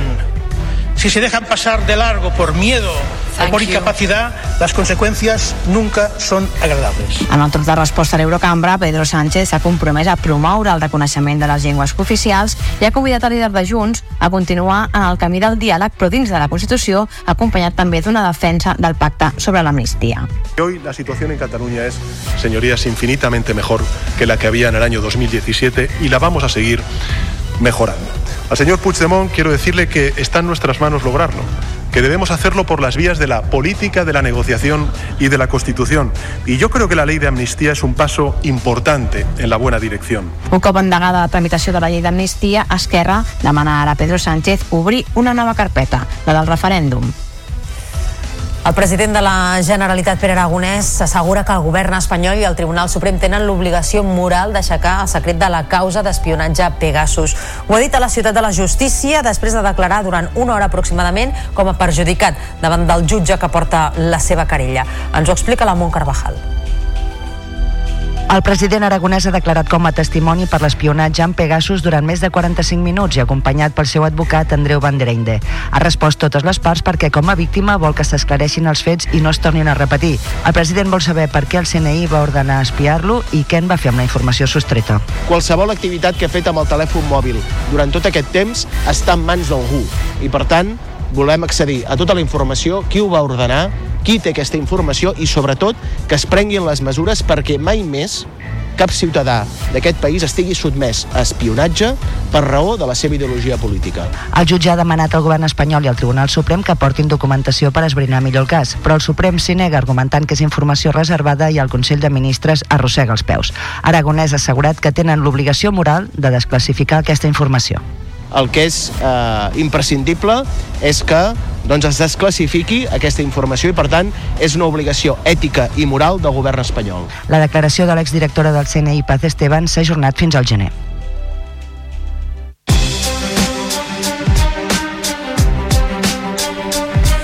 Continua el degoteig de sancions de l'Agència Catalana de l'Aigua a municipis que s'han excedit en el seu consum durant la fase d'excepcionalitat.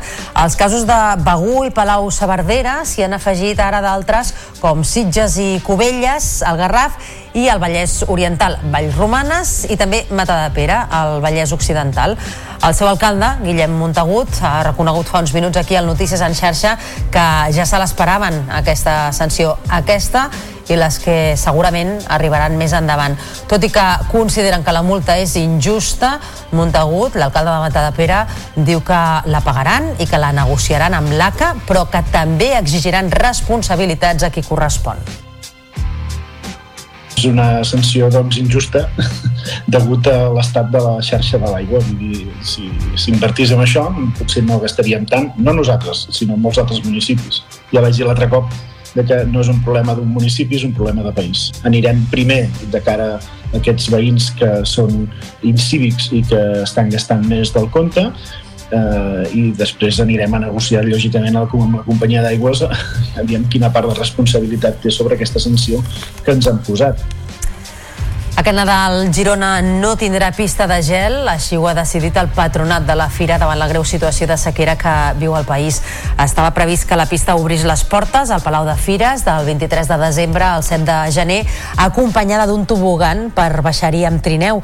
En un principi s'havia anunciat que la capa de gel seria un centímetre més prima per reduir el consum de litres d'aigua que es necessiten pel seu manteniment. Finalment, però, s'ha decidit anul·lar-la. De moment, la resta de pistes de gel previstes per Nadal a les comarques de Girona continuen endavant i aquest dilluns es preveu que s'obri la d'Olot. I el nombre de turismes que circulen per Barcelona amb etiqueta Eco superen per primera vegada els que tenen l'etiqueta B, que és la groga. Segons l'Ajuntament de la ciutat, durant el 2023 els turismes amb etiqueta Eco han representat un 24,7% del total de vehicles que han circulat pels seus carrers, mentre que els que tenen la groga han suposat un 18,1%. A més, aquest serà el primer any que es compliran els límits normatius del nivell de diòxid de nitrogen a totes les estacions de la ciutat. Laia Bonet, tinenta d'Alcaldia de Transició Ecològica, defensa que aquestes dades demostren que la zona de baixes emissions és una mesura necessària per transformar el parc de vehicles i reduir les emissions del trànsit rodat, que és la principal font de contaminació a la ciutat de Barcelona. És una bona notícia que aquells que vam començar a implementar polítiques per afrontar aquest repte, un repte real, eh, vegem que ja tenen bons resultats. Aquesta política de zona de baixes emissions a la nostra ciutat està funcionant. Una vintena d'alcaldes i alcaldesses de municipis turístics de costa i d'interior de Catalunya s'han unit en oposició al decret llei aprovat recentment per la Generalitat sobre els habitatges d'ús turístic. Ahir van signar un manifest que critica aquesta nova normativa per envair competències urbanístiques municipals i per vulnerar el principi d'igualtat entre municipis i territori. El manifest, obert a noves adhesions, defensa l'autonomia local i posa en dubte la validesa del decret governamental argumentant que no respecta les particularitats de cada municipi. També subratlla l'impacte econòmic negatiu que la regulació podria tenir en les economies locals, especialment en municipis turístics. Entre els signants hi ha Pere Granados, alcalde de Salou, i Eva de l'Amo, alcaldessa de l'Ametlla de Mar suposa que s'han de reduir, en el cas nostre, en el cas de Salou, més de 4.000 llicències que ja s'han donades i per tant aquí hi hauria un principi d'indemnització, però sobretot també hem de posar en valor que l'apartament turístic genera molta riquesa en el municipi, en tant en quant és eh, un valor afegit per al comerç, un valor afegit per la restauració, com també una destrucció de llocs de treball. A nivell local, eh, la Mella no té prous llits per a acollir a este turisme turisme que, que tenim eh, cada any. Per tant, perdríem moltíssim eh, múscul turístic perquè, evidentment, si no ho pots absorbir, eh, marxarien a altres municipis. I abans dels esports, una notícia d'última hora. Els bombers de la Generalitat han apagat aquest matí un incendi al segon pis d'un edifici del carrer Batràs de Reus. L'incendi ha provocat molt de fum i ha afectat l'escala de l'immoble i alguns pisos. Els serveis d'emergències mèdiques han atès quatre persones, tres han estat lleu i una han estat crític. Tots ells han estat traslladats a l'Hospital Sant Joan de Reus. I també aquesta matinada els bombers han apagat un altre incendi que ha cremat una habitació, en aquest cas d'una casa d'una sola planta, al carrer Can d'Anxú de Sabadell. Vuit persones, en aquest cas, han estat desallotjades, però afortunadament cap d'elles ha resultat ferida.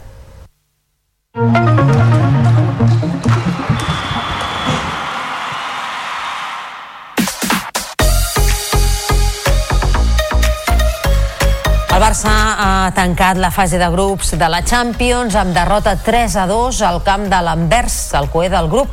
En un partit de Sabador, els blaugranes van igualar el marcador en dues ocasions amb gols de Ferran Torres i Marc Guiu, però els belgues es van endur el triomf amb un gol a l'afegit. Malgrat aquesta desfeta, l'equip blaugrana acaba primer de grup. El Porto passa segon, mentre que el Shakhtar Donetsk jugarà l'Europa League. Queda eliminat l'Anvers. Xavi admetia el mal partit i la necessitat de recuperar sensacions. Valoració negativa, no? Crec que no ens hem trobat eh, eh, del tot en el, en el partit, crec que no hem fet un, un bon partit, ells han estat molt ben defensa, molt agressius, ho hem intentat, sí que és, això és cert, i al final sí que no hem tingut la fortuna de, de, d'empatar el partit, estem en una ratxa negativa que ho hem de, ho hem de eh, hem de reaccionar, hem de recuperar ja les nostres sensacions i el dissabte tenim una, una final. No? Ben diferent va ser la imatge del Barça a la Champions femenina on va superar el Rosengard suec amb un triomf incontestable per 0 a 6. Ni el fred, ni les baixes, ni el rival van poder amb l'equip blaugrana que ja guanyava per 0 a 3 al descans. El Barça suma la tercera victòria en 3 partits i lidera el grup A amb 9 punts, 3 més que el Benfica i 6 per sobre de l'Eintracht de Frankfurt. El Rosengard encara no ha puntuat. I l'Espar Girona ha encarrilat l'eliminatòria de setzents de final de l'Eurocup femenina de bàsquet després de guanyar de 12 punts al Sexart hongarès. En un partit que va començar amb hora i mitja de retard per goteres al pavelló, les gironines van decidir en un espectacular tercer quart. El triomf per 77 a 89 situa l'Uni molt a prop dels vuitens de final, convertint en un tràmit el partit de dimecres que ve a Fontejau. I el Cadí la Seu també té peu i mig als vuitens de final de l'Eurocup després de guanyar la pista del Castors Brain belga de 22 punts, 62 a 84. L'equip urgellenc va dominar en totes les facetes i va tenir una inspiradíssima Sierra Campisano amb 27 punts, que va ser el gran referent ofensiu. La tornada es disputarà dimecres que ve a la Seu d'Urgell. Si superen aquestes eliminatòries, l'Espart Girona i el Cadí la Seu s'enfrontaran als vuitens de final. I a l'Eurocup masculina, el Joventut de Badalona ha encadenat la cinquena victòria consecutiva en superar l'Olimpia Ljubljana per 83 a 81. L'equip verd i negre continua en places d'accés als vuitens de final. Malgrat el triomf, l'entrenador Carles Duran reconeixia que havia faltat contundència. Ens ha faltat controlar el ritme del partit. Crec que segurament, excepte el segon quart, hem anat al ritme del Justin Cobbs. Ens ha faltat possiblement una mica d'encert, tant en el primer quart hem tirat tiros alliberats com a la segona part, que només hem ficat un triple, no? Podria nombrar el Guillem ha tirat sol, l'Andrés, l'Andrew, el Pau, vull dir, eh, tiradors nostres i sí que és veritat que ens ha faltat en algun moment una mica de contundència que quan estàvem 4 o 6 a dalt anar-nos a 10 i a la Lliga Endesa, en partit avançat a la quinzena jornada, el Baxi Manresa va saltar al Palau Blaugrana amb un triomf contra el Barça per 82 a 83. Un tir lliure de Dani Garcia a 4 segons del final va donar una victòria de prestigi als manresans que van fer un gran partit. La Provídola i després Besseli van tenir ocasió d'aconseguir el triomf per als blaugranes, però van fallar. El Manresa trenca la imbatibilitat a la Lliga del Barça al Palau i continua somiant amb la Copa. I quatre equips catalans disputen avui la segona jornada de la fase de grups de la Champions d'hoquei patins. El Calafell i el Reus Deportiu s'enfronten a la pista del Baix Penedès. El Barça visita el Forte dei Marmi i el Fincas Prats Lleida al Tricino italià. Els llistats arriben amb la moral alta després de la victòria sobre els reusencs a la Lliga. Ens apropa la prèvia des de Lleida Televisió, l'Aleix Vergés.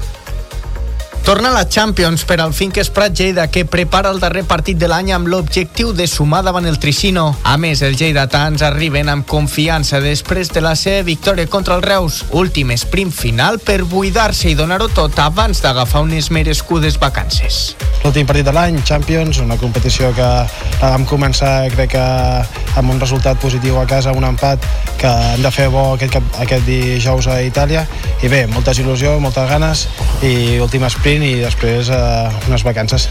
Els lleidatans visitaran la pista del Tricino, que arriba també amb la moral alta després de guanyar el Forte de Marmi, que més els ha empatat a punts en el liderat a la classificació.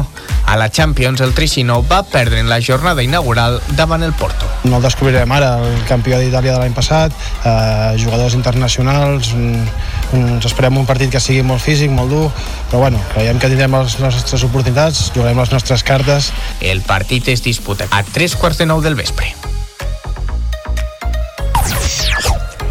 I a la mateixa hora, a tres quarts de nou, el Barça juga a la pista del Forte italià. Els blaugranes arriben a la segona jornada de la Champions després d'acabar el 2023 a l'Hockey Lliga com a líders destacats, invictes i també amb els deures fets en la primera jornada europea contra el Liceo.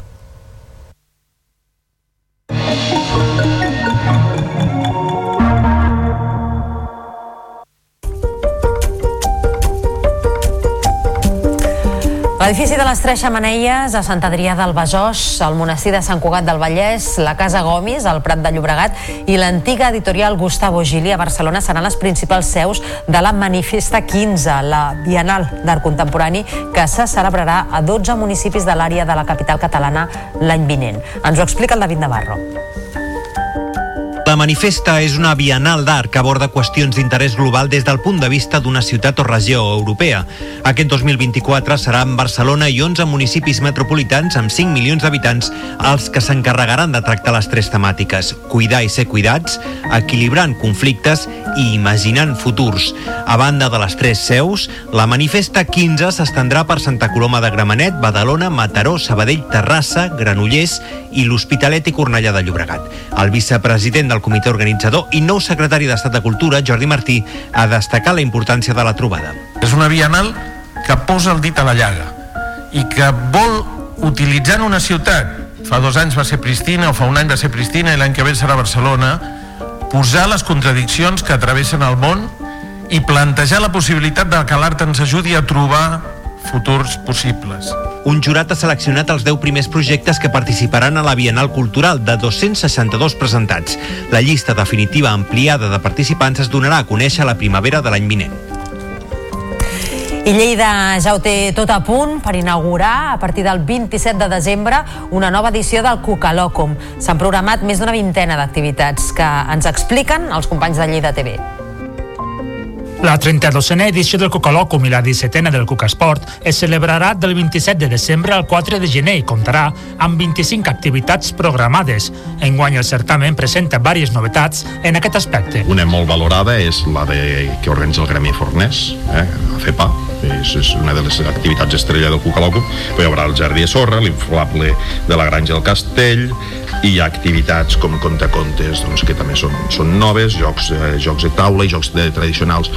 Tot en un certamen que promou la educació, la conciliació familiar i la socialització. Durant les festes de Nadal permetran encara aquestes vacances doncs, amb, amb, de manera que els infants tinguin, eh, a banda d'altres activitats que puguin fer, doncs, que tinguin unes activitats per poder passar aquests dies. Durant la presentació de l'activitat s'han lliurat els premis del concurs de dibuix organitzat entre els escolars per escollir la imatge del Cocalòcum. Pocs dies per Nadal, els pessebres ja omplen els carrers. El de la plaça de la Vila de Badalona enguany recrea la Vall de Boí. En concret, ens trasllada fins al poble de Taüll, on trobem una de les esglésies més importants de Catalunya, l'església de Sant Climent.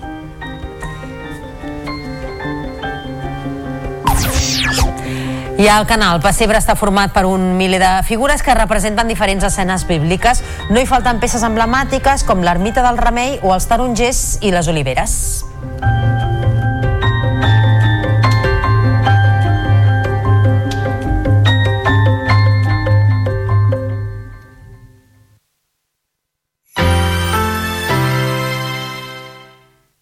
La xarxa de comunicació local. Regala experiències inoblidables i omple de música aquestes festes. Amb les idees que et donem a l'auditori, segur que l'encertes. Escull entre més de 100 concerts. N'hi ha per a tots els gustos i edats. Consulta totes les propostes a auditori.cat.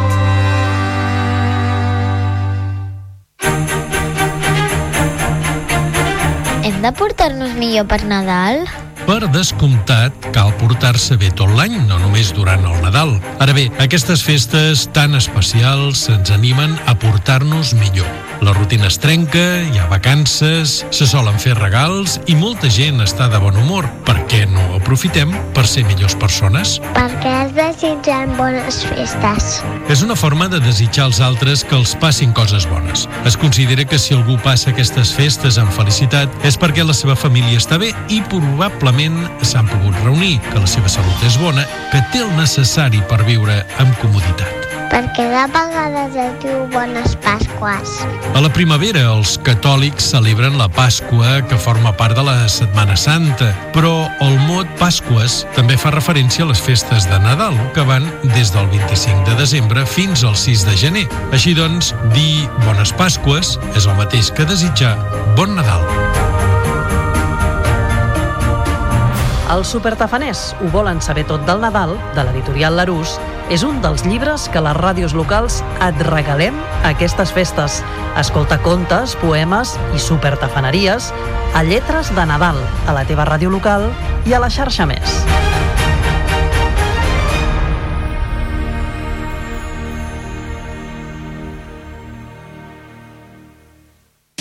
La xarxa de comunicació local.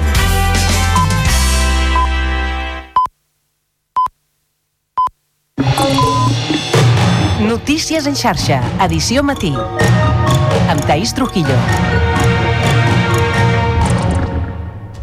Bon dia, són dos quarts de nou del matí i en aquesta darrera mitja hora del Notícies en xarxa entrevistarem aquí al nostre plató a Leo Bejarano, que és el cap de l'Oficina Catalana del Canvi Climàtic. Amb ell repassarem el que ha donat de si la cimera del clima, la COP28, que s'ha celebrat a Dubai aquests dies i que s'ha tancat amb l'acord de deixar enrere els combustibles eh, fòssils. Abans d'entrar en matèria, però, repassem també les principals notícies que hem tractat a l'informatiu d'avui i que hem encapçalat amb el president de la Generalitat, Pere Aragonès, que convocarà els grups del Parlament a una cimera per impulsar canvis en l'educació arran dels mals resultats de l'informe PISA.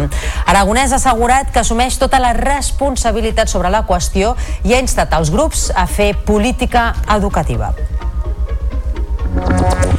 També us estem explicant que avui hi ha jornada de vaga a les universitats catalanes contra els casos d'assetjament sexual per part de professors.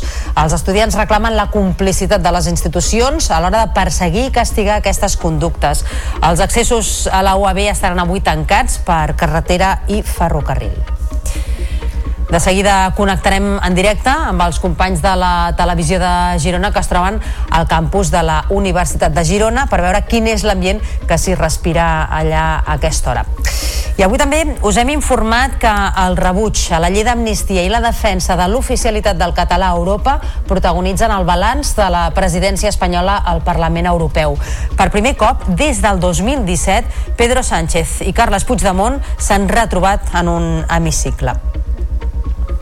I en esports, el Barça va tornar a fer un mal partit, però s'ha classificat per als vuitens de final de la Champions com a primer de grup. Les errades en defensa van condemnar l'equip blaugrana, que no va saber reaccionar i va acabar caient davant l'Anvers per 3 a 2. I en cultura, us expliquem que 12 municipis de l'àrea metropolitana acolliran l'any vinent la Bienal d'Art Contemporani Manifesta 15. Les principals seus de l'esdeveniment seran l'edifici de les Tres Xamaneies de Sant Adrià, el monestir de Sant Cugat i la Casa Gomis del Prat, entre d'altres. Notícies en xarxa, edició matí.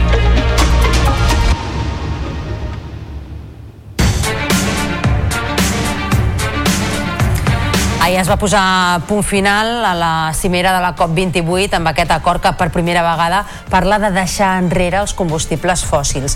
És un text que parla de transitar cap a un sistema energètic sense aquests combustibles contaminants i d'accelerar l'acció en aquesta, diuen, dècada crítica. Sobre el que significa això i sobre l'escenari que s'obre a partir d'ara en volem parlar amb Leo Bejarano, que és el cap de l'Oficina Catalana del Canvi Climàtic i que, a més, ha estat aquests dies a Dubai. Leo Bejarano, molt bon dia, gràcies per venir al Notícies en xarxa. Bon dia, Taís. Quina, quina lectura en feu des de l'oficina, i tu particularment com a mm, ambientòleg, de com ha anat aquesta COP28 i dels resultats que s'han aconseguit d'aquest acord final que ha costat però que finalment sembla que ha arribat en la línia més o menys del que demanaven la majoria de països. Doncs la majoria de països, i entre els quals nosaltres també ens incloem, han patit una mica, perquè ha sigut una, una cop que ja va arrencar amb aquest anunci que va des, desvetllar la BBC, no?, de que el president de la COP, el sultan Al-Jaber, eh, negava una mica la, la ciència no? i deia que, que per assolir el grau i mig de reducció a, a l'acord de París eh, no tenien per què deixar els combustibles fòssils i això va ser una mica, de seguida va sortir a desmentir i llavors vam estar patint durant totes les negociacions de com acabaria eh, aquesta COP. Jo faria una valoració de grisos de que s'han salvat els mobles. O sigui, de, de les previsions que teníem hem aconseguit doncs, que l'esborrany que va presentar el president el dia abans de finalitzar la COP, el dia 11 era molt inacceptable, vull dir, cap dels països eh, estava amb aquesta, amb aquesta tesitura i es va aconseguir en aquest últim tram de negociacions a porta tancada molt, molt fort a mm, incloure coses molt importants eh, en l'acord. Mm, és, té llums i ombres. Si vols, anem comentant-los, eh? No, no, no Perquè tot de principi. dona de sí i també és, és un llenguatge i una semàntica que s'ha anat eh, variant al llarg dels dies i que a la majoria de persones se'ns pot escapar què significa exactament cadascuna de, de les paraules que finalment han aconseguit el, el consens. No? Si haguessis de destacar eh, el més positiu, què és el que diries que és de l'acord? Bé, penso que dintre del que és el, el balanç global, no? el, el stock take que es, que es parlava, que era el, és el que ha, ha ocupat la majoria de, de, de les negociacions, la més important, jo crec que són dues coses. Una, la primera és que, que s'ha acordat triplicar la producció d'energies renovables al eh, 2030, que és el, el llindar que va posar l'acord de París, no?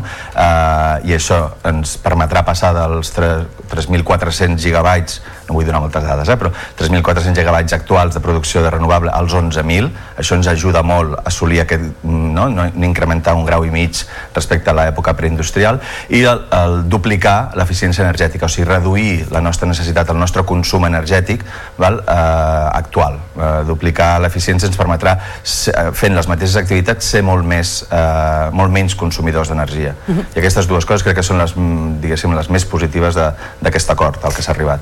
És a dir, el fet d'incrementar les energies renovables ho veieu com un fet positiu perquè hi ha, hi ha qui diu que tampoc seria la solució, no? que la solució passa per, per decréixer i que aquestes energies també poden generar certs problemes. És positiu? És positiu, absolutament positiu. O sigui, tot el que puguem substituir de combustible fòssil amb energia renovable són menys emissions i ens, ens, uh, ens prepara millor per un futur mm, no tan, no tan fort. Vull dir que si superem el grau i mig i continuem incrementant energies renovables i continuem fòssils, després suposo que en parlarem d'aquest transition away, no? d'aquest deixar enrere els combustibles fòssils, eh, és, és avançar cap a l'acció climàtica i cap a un món més resilient eh, als efectes del canvi climàtic. Mm -hmm. Parlem ara d'aquest transition away que és la, la paraula no? de consens, no és eh, eliminar, no però eh, és deixar enrere no, no sé, aquest matís més enllà eh, de la qüestió lingüística a la pràctica i des del punt de vista d'aplicació a la realitat de, dels eh, pobles, de les ciutats, dels països i globalment, què, què pot significar? Doncs justament eh, has dit la paraula clau, l'aplicació d'aquest transition away, no? d'aquest deixar enrere els combustibles fòssils que faci cada país, serà el que marcarà realment cap a on anem amb, amb, amb acció climàtica. O sigui, eh, mm, això és una paraula de consens, s'han de posar d'acord 198 països, això és dificilíssim, l'abandonament tenia molt de suport, la reducció també, però, però hi havia vetos, hi havia gent que no estava disposat a incloure la paraula phase out, abandonament, en el text i en canvi transition away jo la interpreto com un, un pas endavant, aquest és un pas endavant, no és el que molts volien, però sí que és un pas endavant per dir el problema són els combustibles fòssils i els països ens posem a treballar per deixar enrere aquests combustibles fòssils. Evidentment, això no vol dir abandonar-los del tot, però sí que vol dir treballar perquè cada cop tinguin menys protagonisme en el nostre sistema energètic i en el nostre model econòmic. Però és un pèl ambigua, dona marge perquè es continuen utilitzant aquests combustibles fòssils molt més enllà del que seria desitjable? Això és una tònica general de tot l'acord. Tot l'acord és super ambigu, diu coses, però són coses que deixen molt de marge a la interpretació. Què vol dir eh, no? deixar enrere els combustibles fòssils? I quan? I com? No? Vull dir, deixa masses, masses portes obertes, no, no hi ha uns objectius concrets de dir, bueno, anem a deixar els combustibles fòssils amb aquests paràmetres, no? Doncs amb aquesta transició, amb aquest calendari, amb aquest pressupost, no? I això, tot això queda, queda obert. Aquest és el tema. En el cas de Catalunya, per exemple, si ara haguéssim de començar a aplicar no, tot el que es diu en aquest acord, quins canvis hauríem de començar a introduir des de ja? Són canvis que ja s'estan fent, treballant la mateixa línia, o hi ha novetats que fins ara no s'han aplicat i que hauríem de començar a pensar-hi? Aquest és una mica el tema. Per nosaltres el Transition Away ja l'estem fent. O sigui, Catalunya ja ha començat a desenvolupar, a triplicar les seves energies renovables. Ja estem en aquesta... El juny passat eh, es va aprovar la ProEncat, que és aquesta, no? aquesta full de ruta pel que fa a l'energia a Catalunya, on se fa una aposta claríssima justament per això, per deixar enrere els combustibles fòssils i potenciar molt les energies renovables. En aquest cas, nosaltres creiem que això que l'acord a, a nosaltres ens arriba amb alguna que ja, ja teníem nosaltres prèviament aplicat clar, no tots els països estan fent aquesta transició, és evident, no? però uh -huh. per mhm. nosaltres sí que és, i evidentment amb eficiència energètica el mateix, tant amb edificis com amb, amb sectors industrials, a tot arreu s'estan aplicant moltíssimes mesures, s'estan fomentant la, la millora del consum energètic i de l'eficiència energètica. I es camina en la velocitat que requeriria l'acord per la reducció en els percentatges establerts amb els anys marcats? Doncs, o, no, o no és viable aconseguir-ho? Diguem que hem de fer la feina dels últims 20 anys, l'hem de fer amb 6. O sigui, a 2030 nosaltres hem de, hem de, de tenir uns, unes reduccions de les emissions del 44%, tal com fixa l'acord de París. Catalunya està compromesa amb aquest objectiu i tota la nostra planificació energètica de canvi climàtic i sectorials van cap a aquest objectiu de la reducció del 44% de les emissions i estem treballant, però clar, eh, això implica una accelerada molt forta, molt forta i aquesta accelerada es podrà fer tenint en compte que eh, moltes de les instal·lacions d'energies eh, alternatives a les combustibles eh, fòssils troben ser rebuig o almenys troben rebuig amb el model i en la forma en què s'han estat eh, plantejant i parlem dels eh, molins de vent per exemple al mar i també d'instal·lacions fotovoltaiques de grans dimensions i de grans companyies que estan sent endarrerides o rebutjades perquè hi ha oposició al territori. Amb aquest model es podrà avançar a la velocitat que cal o s'ha de canviar de model? Doncs mira, eh, torno a Dubai aquest és un del, de les coses positives per mi que ha posat sobre la taula aquesta COP, no? de que s'han d'alinear les polítiques de canvi climàtic amb les polítiques de pèrdua de la biodiversitat o sigui, hem de garantir que hi ha un desplegament de les energies renovables i de, de tot el sistema energètic com el que necessitem, perquè és evident que necessitem i que els combustibles fòssils estan tenint un impacte sobre la humanitat que no és admissible, amb que això no impliqui una pèrdua de la biodiversitat a escala global, però també a escala, a escala local. I això fins ara, no, aquesta alineació de polítiques no s'havia posat mai sobre la taula. Catalunya sí que havia fet eh, treballs perquè això tenim el, el Plater, no? el famós pla territorial de les energies renovables, per intentar consensuar els objectius de conservar la biodiversitat i el nostre patrimoni natural amb els objectius d'abastir-nos de forma sostenible i no contaminant. Mm -hmm. Abans eh, feies referència a aquesta millora de, de l'eficiència energètica, d'aconseguir eh, fer les mateixes activitats que fem gastant menys energia. Mm -hmm. eh, a la pràctica, què pot implicar i com ens hauríem d'adaptar a aquesta realitat? Com ho hem de fer? Quins canvis s'han d'introduir? Doncs clar, eh, són tants que no, no, no els anomenaré, però alguns perquè es, es pugui entendre. Doncs per exemple, la substitució dels sistemes de calefacció de bomba de calor en, en, en edificis, no? amb, amb el nostre consum domèstic eh, és molt més eficient aconsegueixes molt millors eh, confort tèrmic eh, en, en les llars, en les indústries, en les oficines, en tots els edificis, que per exemple amb els sistemes actuals de calefacció que són més ineficients vale? i que a més es basen en molts amb gas eh, o en sistemes elèctrics no prou, no prou eficients. Aquesta podria, podria ser una, però també a nivell d'indústria també hi ha, hi ha sistemes de combustió, sistemes de, de, per, energètics no? de, de les indústries que tenint la mateixa potència poden ser molt més eficients. Evidentment això requereix uns canvis no? de maquinari i uns canvis de, de, de procés no? en les indústries, però tothom està per la labor, tothom ho veu clarament perquè a més no ens enganyem, també repercuteix en els costos. L'energia renovable cada cop és més barata, antigament no ho era tant, actualment és molt competitiva i per tant això també et repercuteix en, en els teus, diguéssim, comptes. Mm -hmm.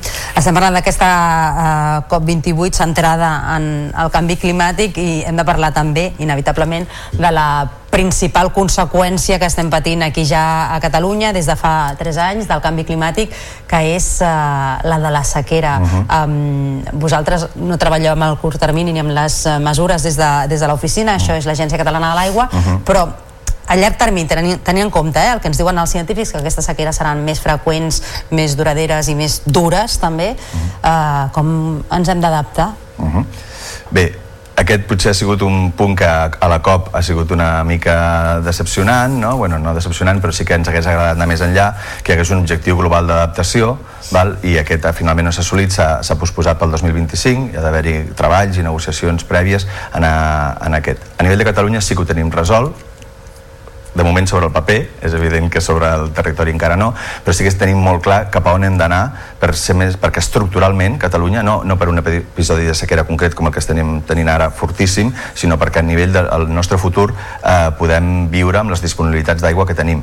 I això passa, per una banda, per incrementar la, la, la possibilitat d'aprofitar recursos d'aigua, val? Eh, com pot ser, per exemple, el tema de l'aigua regenerada, tot el que ara s'està posant sobre la taula ja en l'episodi actual, però també per reduir el nostre consum. Igual que et dèiem l'eficiència energètica, et dic, l'eficiència en la gestió de l'aigua és molt important a Catalunya i això passa doncs, per modernitzar els regadius eh, eh, no, de, per la part de la producció agrícola, per fer un consum més eficient de l'aigua. Les xarxes municipals, que moltes vegades tenen moltes pèrdues perquè són xarxes que estan sí, envellides, avui, sí. no? i eh, doncs no perdre aquesta aigua que és supervaluosa. Hi ha moltes mesures que, que passen per, adap per adaptar-nos millor i també, per exemple, amb, amb la gestió del territori, gestió, gestió forestal, gestió agrícola, o sigui, tota la, la part més de, de, de com recollim aquesta aigua blava no? que, que ens cau, que és molt escadossera.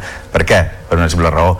Perquè Catalunya és un país mediterrani i els efectes del canvi climàtic en el Mediterrani justament passen per aquí, l'increment de temperatures i la disminució de la, de la disminució de la pluviometria i això ha vingut per quedar-se. O sigui, això no, cada cop les, els períodes de sequera seran més llargs i més, i més a poc. Abans teníem un cada 8 anys, ara estem tenint un cada 4 i cada cop serà més, serà més estructural. Per tant, la sequera no és una cosa puntual tot i que ara estem en un període molt, molt fort, sinó és una cosa que eh, formarà part de les nostres vides, el, aquesta poca disponibilitat. Per tant, hem de ser molt, molt més eficients. L'adaptació passa per ser molt més eficients en la gestió de l'aigua. I aquestes mesures que eh, va aplicant l'Agència Catalana de l'Aigua van en el sentit d'assegurar-nos el subministrament d'aigua als humans, però mm, hi ha mesures com per exemple aquesta que es posava ahir sobre la taula, no? la reducció de cabal d'alguns rius, que de ben segur tenen impacte sobre la biodiversitat. Tot això um, s'està tenint en compte o no?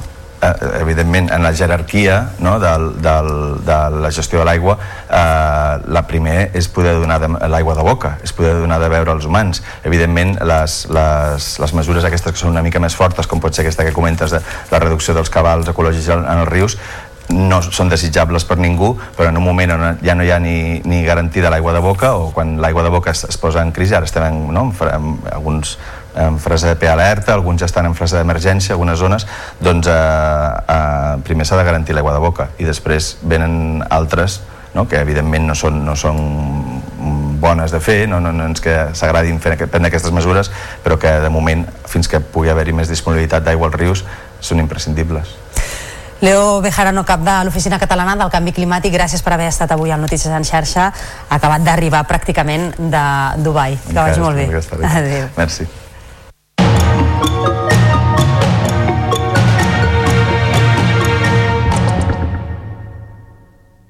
Com us hem anat explicant al llarg de Notícies en xarxa, avui hi ha una jornada de vaga convocada pel Sindicat d'Estudiants dels Països Catalans i la coordinadora d'assemblees universitàries per denunciar els casos d'assetjament sexual per part de professors. Els estudiants reclamen la complicitat per part de les institucions a l'hora de perseguir i castigar aquests casos. Connectem ara amb el campus de la Universitat de Girona. Allà hi ha els nostres companys de la televisió de Girona, la Júlia Avellí i el Joel Serrano. Joel, molt bon dia. Hola, bon dia. Doncs sí, des de la Universitat de Girona han decidit adherir-se a aquesta vaga feminista convocada pel PSC i per explicar-nos-ho millor ens acompanya la Judit Tortajada, que és la presidenta del Consell d'Estudiants de la Universitat. Bon dia. Bon dia, moltes gràcies. Com és que us heu decidit adherir a aquesta vaga? Doncs mira, primer per garantir que l'estudiantat es pugui manifestar i segona perquè creiem que, que la causa és justa. Aquí a la Universitat de Girona hi ha hagut alguns casos d'assetjament de professors cap a estudiants. Des del Consell d'Estudiants, de, com, com heu reaccionat? Doncs mira, de la, prim, de la millor manera que es pot reaccionar, que és eh, treballant cada dia incansablement perquè, perquè no hagi de tornar a passar. I eh, quan parles això del, del treball que feu, quina és la vostra lluita? Quins són els principals focus d'aquesta lluita per intentar abolir els casos d'assetjament de professors cap a, cap a estudiants? Doncs la, la manera més efectiva és eh, ara mateix eh, mirar de tenir uns protocols d'assetjament de, de les universitats que puguin complir amb el seu propòsit que és eh, acompanyar primer eh, la víctima i després tenir una resolució de qualitat eh, que, de qualsevol cas d'assetjament. I es coneix quina és um, la resposta de la universitat des d'una resposta institucional? En la vaga? Sí. Um, bé... I en els casos d'assetjament?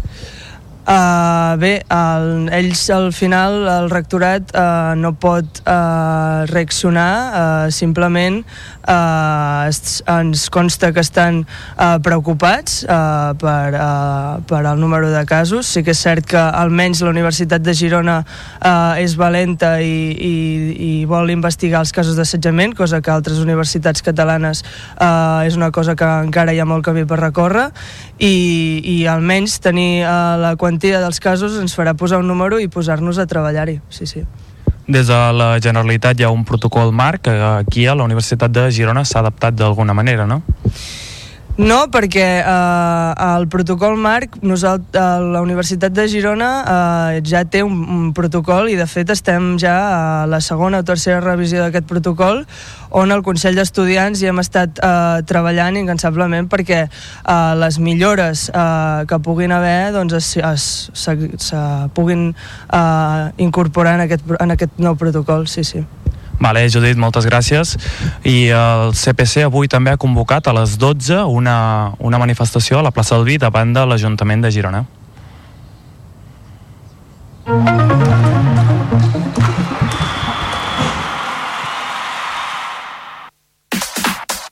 Les 9 en punt del matí repassem tota l'actualitat esportiva. Cristina Álvarez, molt bon dia. El Barça perd a Anvers, però acaba primer de grup a la Champions. Sí, partit per oblidar dels blaugranes a Anvers, on van caure per 3 a 2, un partit molt marcat per les errades en defensa i també la incapacitat de reacció. I això que els blaugranes van arribar a igualar el marcador en dues ocasions, amb gols de Ferran Torres i de Marc Guiu, però finalment l'Anvers va decidir el descompte. El Barça doncs acaba eh, com a primer de grup i serà cap de sèrie a vuitens de final. El Porto passa com a segon de grup i el Shakhtar se'n va a l'Europa League. L'Anvers, que sumava els primers punts de la temporada, eh, queda eliminat de la competició. Xavi Hernández reconeixia que havien fet un mal partit. Valoració negativa, no? Crec que no ens hem trobat eh, eh, del tot en el, en el partit. Crec que no hem fet un, un bon partit, ells han estat molt ben defensa, molt agressius, ho hem intentat, sí que és, això és cert, i al final sí que no hem tingut la fortuna de, de, d'empatar el partit, estem en una ratxa negativa que ho hem de, ho hem de, eh, hem de reaccionar, hem de recuperar ja les nostres sensacions i el dissabte tenim una, una final. No? Ben diferent va ser la imatge del Barça a la Champions femenina on va superar el Rosengar suec amb un triomf incontestable per 0 a 6. Ni el fred, ni les baixes, ni el rival van poder amb l'equip blaugrana que va golejar amb dianes de Wick en pròpia porteria, Salma i Patri abans del descans i Aitana, Mariona i Martina a la segona part. El Barça suma la tercera victòria en tres partits i lidera el grup A amb 9 punts, 3 més que el Benfica i 6 per sobre de l'Eintracht de Frankfurt. El Rosengar encara no ha puntuat. I a l'Eurocup masculina, el Joventut de Badalona ha encadenat la cinquena victòria consecutiva. Va superar l'Olimpia Ljubljana per 83 a 81 i continua en places d'accés a vuitens de final. Un cop més, al tram final, Feliz va desencallar un partit que estava complicat i els eslovens van fallar dos triples per guanyar. L'entrenador Carles Duran reconeixia que havia faltat contundència. Ens ha faltat controlar el ritme del partit. Crec que segurament, excepte el segon quart, hem anat al ritme del Justin Cops. Ens ha faltat possiblement una mica d'encert. Tant el primer quart hem tirat tiros alliberats com a la segona part, que només hem ficat un triple. No? Podria nombrar el Guillem, ha tirat sol, l'Andrés, l'Andrew, el Pau, dir, eh, tiradors nostres i sí que és veritat que ens ha faltat en algun moment una mica de contundència que quan estàvem 4 o 6 a dalt anar-nos a 10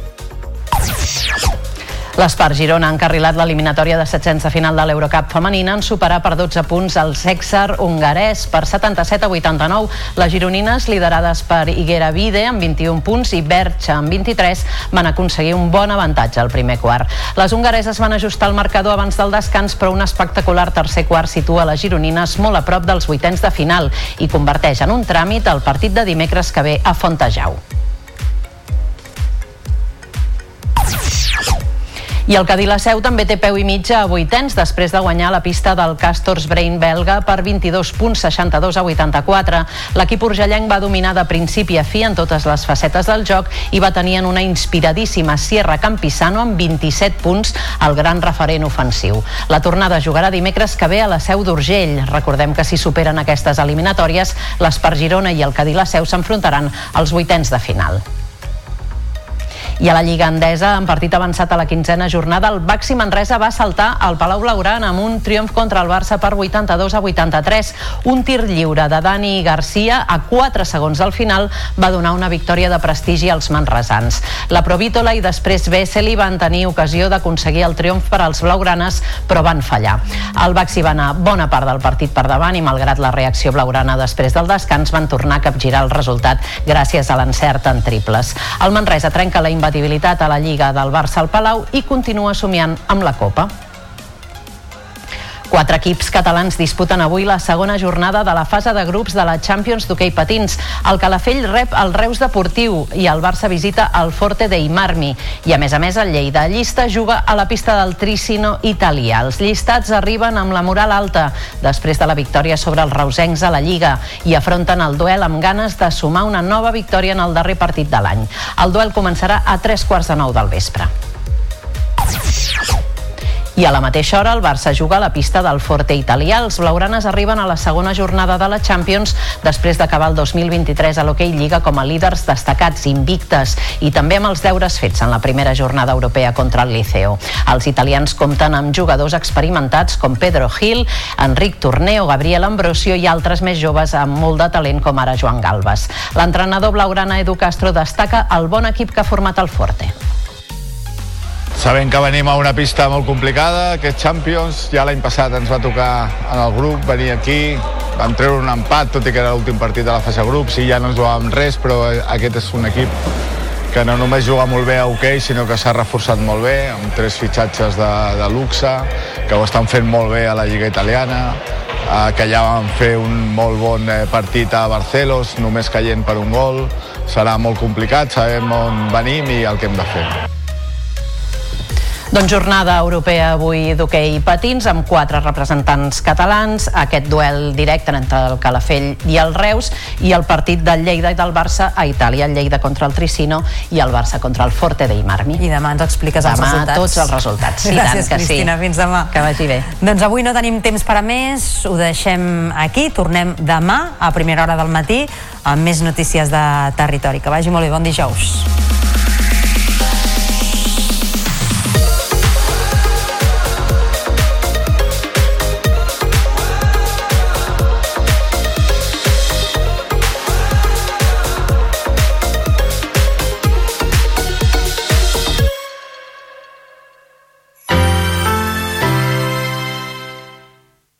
La xarxa de comunicació local. Comunions